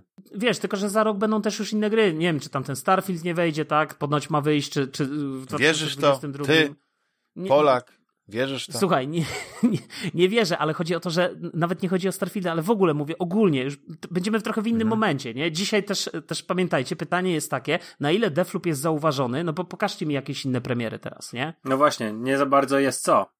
Nie za bardzo jest co porównać, Tak. a, a wiemy, że gry zarówno na Xboxa, jak i na PlayStation, one będą się pojawiać i będą przychodzić i w 2022 roku będzie tych gier coraz więcej na jedną i na drugą Tak. platformę. W związku z tym jakby ta konkurencja i, i, i fakt przebicia się, a niekiedy przebicia się także z tymi, mówię, blockbusterami danej, danej platformy, typu, nie wiem, Forza, yy, typu Gran Turismo i tak dalej, no będzie, będzie dużo trudniejszy, tak? No tak mi się wydaje. Mhm. Ale przypomniało Wie- mi się, jakie tytuły wyszły, tylko że one są trochę z innej beczki, Bo przecież wyszedł Diablo 2, Resurrected i New Worlds MMO, MMORPG.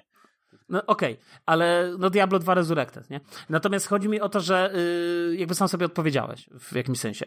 Yy, natomiast yy, rzecz, którą, którą chciałem też powiedzieć, oczywiście zaraz mi tutaj wszyscy zarzucą fanboystwa, ale słuchajcie, no kurde, no jednak to Sony no zobaczyło ten potencjał w tym Deflupie, no. No pomyślało, słuchajcie, pom no pomyślało, ta gra będzie do nas pasować. No i ta gra jest, no jest świeża, no jest, ja wiem, okej, okay, dobra, no może inaczej, pytanie, może ktoś, kto grał w Dishonored powie, że Jules, co ty gadasz, nie? Bzdura, nie? Dla mnie jest świeża. Nie, nie, nie, nie bzdura właśnie. Fascynująca. Tylko powie, że cieszą się na pewno fani Dishonored, że, że odkryłeś gry Arkane. Że to jest, e, bo to jest jedno z tych studiów, które na przykład zamknięte, tak jak było właśnie z, z Irrational Games. No, mhm. Bioshock Infinite o, Bioshock okazało się, że, że, znaczy, ja nie wiem, czy był klapą finansową, ale oni zamknęli Irrational Games po Bioshock chyba Infinite. I żadna nowa część, czy na przykład, nie wiem, Bioshock na Vita, które było zapowiedziane, nie powstały. Jedynie co mamy teraz tak naprawdę to, jedynie co nowego wyszło, no to wyszły te takie, ta trylogia Bioshocka, nie? Że można sobie na Switcha, no tak, czy, czy na jakieś te, tak. Mhm. I, I to jest wszystko. A, a, a Bioshock... A kupiłem ją na PC na Steamie. No, znaczy ja też tam mam, bo to chyba jak w ogóle miałeś Bioshocka, Za 30 zł. to mogłeś dostać remastered wersję tak po prostu. Albo w jakimś Humble Bundle było. E, tak, Ale ja widzę zero różnicy tak naprawdę na PC. Ja nie wiem, jestem chyba jakiś taki... Znaczy wiesz co, nie, tak, znaczy ta gra cały czas wygląda super, tak jak wyglądała, nie wiem, dla mnie, dla mnie wygląda świetnie, zawsze, zawsze mi się, strasznie mi się podobał kierunek artystyczny Bioshocka i, i, i myślę, że podobnie jest z Defloopem. Ja dzięki tym... tej grze poznałem prozę Ayn Rand. No ja wiem, no wszyscy się, ja pamiętam, że wszyscy się, nad tym, wszyscy się nad tym, yy, że tak powiem, rozpuszczali, a dla mnie to jest, wiesz, to jest, yy, ja, ja patrzę no na Ale przepraszam cię, ale akat, no to jest, yy, klucz interpretacyjny dodatkowy dzięki właśnie znajomości, yy, znaczy, tylko że to nie jest. No ja, ja, wiesz, ja, zupeł, ja jest, patrzę zupełnie taki... z innym kluczem. Ja patrzę zupełnie przez inny klucz. Absolutnie nie patrzę przez, przez pryzmat tego, tej, tej utopii, totalitaryzmów i, ta, i, i utopijnych światów, czy dystopijnych w zasadzie. Nie patrzę, nie patrzę przez, ten, przez ten pryzmat. Ja raczej tam y, odnajduję y, nawiązanie do, do generalnie, wiesz. Y, Wiem, o tej latarni mówiłeś w wodzie. Mm, religijnego w zasadzie takiego faktu oczyszczenia głównego bohatera, który wiesz, y, to co masz w różnych religiach, bo to nie tylko w chrześcijaństwie, jakby potop, wiesz, y, y, Y, ten, ten, ten motyw takiego przejścia, wiesz, czyli, czyli, czyli oczyszczenia bohatera, że on schodzi jakby, tak, no bo potop generalnie pojawia się w, na przykład w Biblii, tak, on się pojawia jakby w momencie, w którym jakby oczyszcza świat zupełnie i ten świat się definiuje na nowo. I tak samo w Bioshocku główny bohater schodzi na samo dno, to, to miasto jest zalewane, zalewane też bohater fabularnie odkrywa tysiące, y, odkrywa, mm, tysiące, nie tysiące, ale odkrywa tak naprawdę swoją tożsamość, dowiaduje się kim w zasadzie jest, definiuje się na nowo i wychodzi z tego miasta i, wy, i pojawia się jako nowy, nowy bohater. Więc jakby ja zupełnie inaczej interpretuję Bioshocka, zupełnie inaczej na niego patrzę, patrzę na niego przez pryzmat raczej y, motywu, powiedzmy, wody takiej, y, motywu religijnego. Y, mówię, nie chodzi nawet o religię chrześcijańską tak swoją drogą, bo, bo motyw, y, mm, jest taka znakomita książka, y, też polecam y, Mircea Eliade, taki rumuński religioznawca w zasadzie. Napisał taką książkę Historia religii, to jest już dość stara pozycja. I nie pamiętam, czy historia religii, cholera, zabijcie mnie, ale w każdym razie napisał, napisał taką książkę, gdzie on analizuje po prostu różne religie i różne wierzenia w różnych y, częściach świata i na przykład patrzy na motyw wody i nagle się okazuje, że mimo tego, że masz chrześcijaństwo, że masz jakieś wierzenia Indian gdzieś tam w południowej Afryce, że masz y, w południowej Ameryce, y, to się okazuje, że ta woda w, i pewne motywy tej wody są takie same w różnych religiach, że one się pojawiają, że to jest niesamowite. Bardzo ciekawa książka, bardzo ciekawa. No tak, ale wiesz co, mi się wydaje, że są pewne rzeczy związane w ogóle z, z, z ludźmi jako, jako, jako jednostką, który potrzebuje wiary, i to jest ciekawe, że ta wiara nie musi być w Boga. Ta wiara może być w inne rzeczy i nie, pewna no... symbolika związana na przykład, nie wiem, z jedną religią łatwo się przekłada na inną religię, ale też łatwo się przekłada na przykład na pewne zachowania. Jak, e, ale wiesz, ale fascynujące jest to, ale fascynujące jest to, że tak naprawdę... tak wiesz. Ale chodzi mi o to, że fascynujące jest to, że te różne religie, różne wierzenia, różne jakieś takie Albo odłamy elementy, ateizmu Dobrze, ale różne wierzenia, różne religie, które się y, pojawiają w różnych częściach świata, zupełnie niezależnie od siebie, nagle interpretują, y, nie wiem, deszcz albo interpretują y, właśnie, mają motywy podobne do potopu, a jakby powstają niezależnie od siebie. To nie jest tak, że chrześcijaństwo coś z nich wzięło, albo one wzięły coś z chrześcijaństwa, bo one powstawa, jakby definiowały się w czasach jakby zupełnie niezależnie od siebie, tak? Czyli to Więc- możesz więc- mówić o czymś innym, wiesz, że był kiedyś potop, albo była, nie wiem, y, ziemia zupełnie inaczej wyglądała te tysiące lat temu, może były jakieś takie stuletnie deszcze i później po latach te opowieści przekształciły się w inne opowieści, Znaczy, a w końcu przekształciły się w jakieś teksty religijne. Jest to jakaś interpretacja, natomiast być może też interpretacja jest taka, że po prostu umysł ludzki jest mimo wszystko mm, w jakimś sensie spójny i w podobny sposób na, nazywa pewne rzeczy i interpretuje pewne rzeczy, że my możemy się różnić swoimi poglądami i tak dalej, tylko że to by niestety przeczyło różnym współczesnym teoriom, na przykład o genderyzmie i tak dalej, nie? które gdzieś tam funkcjonują. Chociaż, chociaż oczywiście jest coś takiego jak płeć kulturowa i, i, i w różnych kulturach No i w różnych religiach tak. ona gdzieś tam występuje, ale, ale jakby, wiesz, wydaje mi się, że jakby, no ale dobra, nie chcę wchodzić. Nie, w mi się wydaje, że to, że ludzie sensu. się zmieniają, wszystko się zmienia, nie? I, i e, w pewnych e, też aspektach e, historia zatacza koła. I do pewnych rzeczy się wraca, no wiesz, wraca się do... Był pewien taki... E, Do Amigi 1200 na przykład. nie, ja mówię bardziej o filozofach greckich. A, okej. Ale No, pozwólcie, że y, jak już tak Skończymy, no. y, kończymy, to, to Znaczy chciałem... ocena ostateczna, bo ty powiedziałeś, że to jest dla ciebie gra roku. Ale jeszcze nie przeszedł. Okej. Więc można powiedzieć, Ale że myślę, gra roku że... y, to be continued. No tak, ale słuchaj, ja, ja powiem tak, no nie przeszedłem, ale wy, wiesz, wydaje mi się, że jak o, Bardzo się nie zmieni. byłem zachłyśnięty Biosho Bioshockiem, to też to było podobne. Ja Bioshocka skończyłem kilka razy na Xboxie, na PlayStation, na PC-cie, jakby na, na, na czym się dało, tak? Mówię o pierwszym Bioshocku. Y, I jakby co z tego? Jakby, że, że jak wypowiadałem swoje zdanie, nie skończywszy tej gry, bo zapewne zdarzało mi się. Więc, więc wydaje mi się, że tutaj się raczej to, to, to wiele nie zmieni. No ta gra jest mimo wszystko jakby niesamowita. No, jakby te doświadczenia, wiesz, które tutaj już są i które, i które się gdzieś tam pojawiły, są dla mnie na tyle fascynujące, że yy, warte.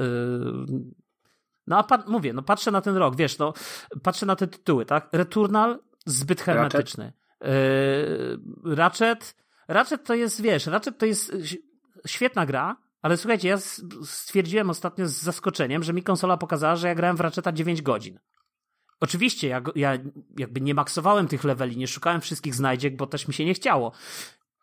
No, Trochę krótko, w ogóle te gry się jakoś skróciły, tak swoją drogą, nie? Y, Z trzeciej strony Ratchet to jest taki hamburger, no, podlany, wiesz, super grafika, super nawiązania do Gwiezdnych Wojen, świetny gameplay, jakby wszystko tam jest. Ale tam masz takie wrażenie, że no, no nie ma tej takiej duszy, no. no gra jest super, Mm. naprawdę. I, I jakby pod, pod każdym względem jest taka, wiesz, znowu, jak, jak każda gra Insomniaka, miałem o tym powiedzieć. Insomniak nie potrafi zakończyć gier. Walka z ostatnim bossem trwa po prostu, jest chyba sześć podejść do tego ostatniego bossa. Tak samo było w Spider-Manie Miles Morales. Ostatnia walka, myślisz, o już go pokonałem, zajebiście, a tu, no nie, jeszcze, jeszcze raz to samo, i jeszcze raz to samo, i jeszcze raz to samo. Więc... Coś e, takiego było już wcześniej w Ratchetie, tam pamiętam. Mhm. E, No mówię, że to jest coś charakterystycznego dla Insomniaka, już, już nie wiem, czy dwójce, czy trójce, ale tam ta walka z bossem to po prostu była koszmarnie długa. Nie, ona była fajna tutaj, tylko że mówię, no właśnie dużo faz, dużo y, sceneria się zmienia i tak dalej. Natomiast tak jak mówię, no Ratchet, wiesz, pokazuje oczywiście możliwości, widać, że to jest, to jest ten next gen, widać, że to jest ten Pixar y, y, y, renderowany w czasie rzeczywistym na, na twoim telewizorze. Wszystko wygląda świetnie, fabuła jest fajna, ale to jest właśnie taki triple A blockbuster, który jest po prostu, wiesz, taki taki wypieszczony, on musi taki być i, i, i ten jakby znowu dla mnie Ratchet to jest gdzieś 7-8 na 10, jakbym miał dać ocenę. Coś takiego. Między 7 Mhm. a 8 bym powiedz, powiedzmy powiedział, w zależności. Natomiast, natomiast tutaj bym dał na pewno dziewiątkę co najmniej. Yy, wiesz, Deflupowi, jeżeli miałbym oceniać. Chłopaki, bo naprawdę musimy kończyć, ale no ja wiem, że Rafał, nie daliśmy ci za bardzo do głosu dojść. Dzięki, bo dzięki temu się jeszcze regeneruje. To jest z waszej strony naprawdę cudowne. No dzięki temu ja mogłem wreszcie coś powiedzieć na tym podcaście, No. bo ostatnio w ogóle nie mogłem powiedzieć o grach. Właśnie. Y, To w takim razie y, troszeczkę o innych rzeczach, bo y, były, są tematy, które możemy poruszyć, ale faktycznie warto było, że, że ten odcinek poświęciliśmy głównie e, grom i jednej tak arcyciekawej. Ja myślę, że już nie ma drugiego takiego tutaj Ancymona polskiego podcastingu, który by tak pięknie opowiadał o grach e, i to tak e, w stylu memento. Mm, E, ale doszedłeś. Był klimaks e, tej opowieści i ja myślę, że Mądrość nam przekazałeś. mądrość przekazałeś. Ja się dowiedziałem wszystkiego, co chciałem na temat tej gry. I to jest gra, w którą bardzo bym chętnie zagrał, gdybym miał PlayStation 5, więc będę do tego dążył. Dąż. Za Dąż. tydzień znowu się słyszymy w nowym odcinkiem, ten kończymy. W- Nie wiem, czy, czy robimy zapowiedź, co będzie w następnym odcinku, ale mogę powiedzieć, że tak, że czytam książkę Hawajski Wir, Clive'a Kasslera, fantastyczna. Y, Fundacja, pojawił się serial, już były dwa odcinki, albo trzy nawet na Apple TV, więc y, posiadacze Apple Ted TV. Lasso. Ted Lasso, tak. Dziesiąty odcinek. Obejrzałem, e, obejrzałem odcinek y, po tym odcinku z Berdem. Jest okej. Wróciło to już, jest okej. Wróciło Więc, więc to no, takie rzeczy, to, to będą same takie ciekawe rzeczy i Metal Gear e, Solid też pierwsze pół jeszcze. godziny słucham? Gear Solid będzie też jeszcze. Tak, i Mortal pierwsze pół Kombat je- godziny Mortal odcinka Kombat 11 514 na to będzie non-stop, tylko i wyłącznie Borderlands Rafał będzie gadał. My sobie siądziemy wygodnie w fotelach, z Iliuszem będziemy tylko kiwać głową i będziemy słuchać Tony Rafała. Hawk Pro Skater 1.2 na Switcha. Y, Wersja z PlayStation 1. Nie jakiś remaster. Więc naprawdę Remaster. będzie fajnie. No to co? Y, Zapraszam wszystkich na naszą grupę na Facebooku y, Fantasmagierii. Y, Dziękuję i y, proszę o komentarze na, na YouTubie, polecanie znajomym, subskrybowanie. I co? Słyszymy się za tydzień. Cześć, Cześć. hej. Cześć, cześć.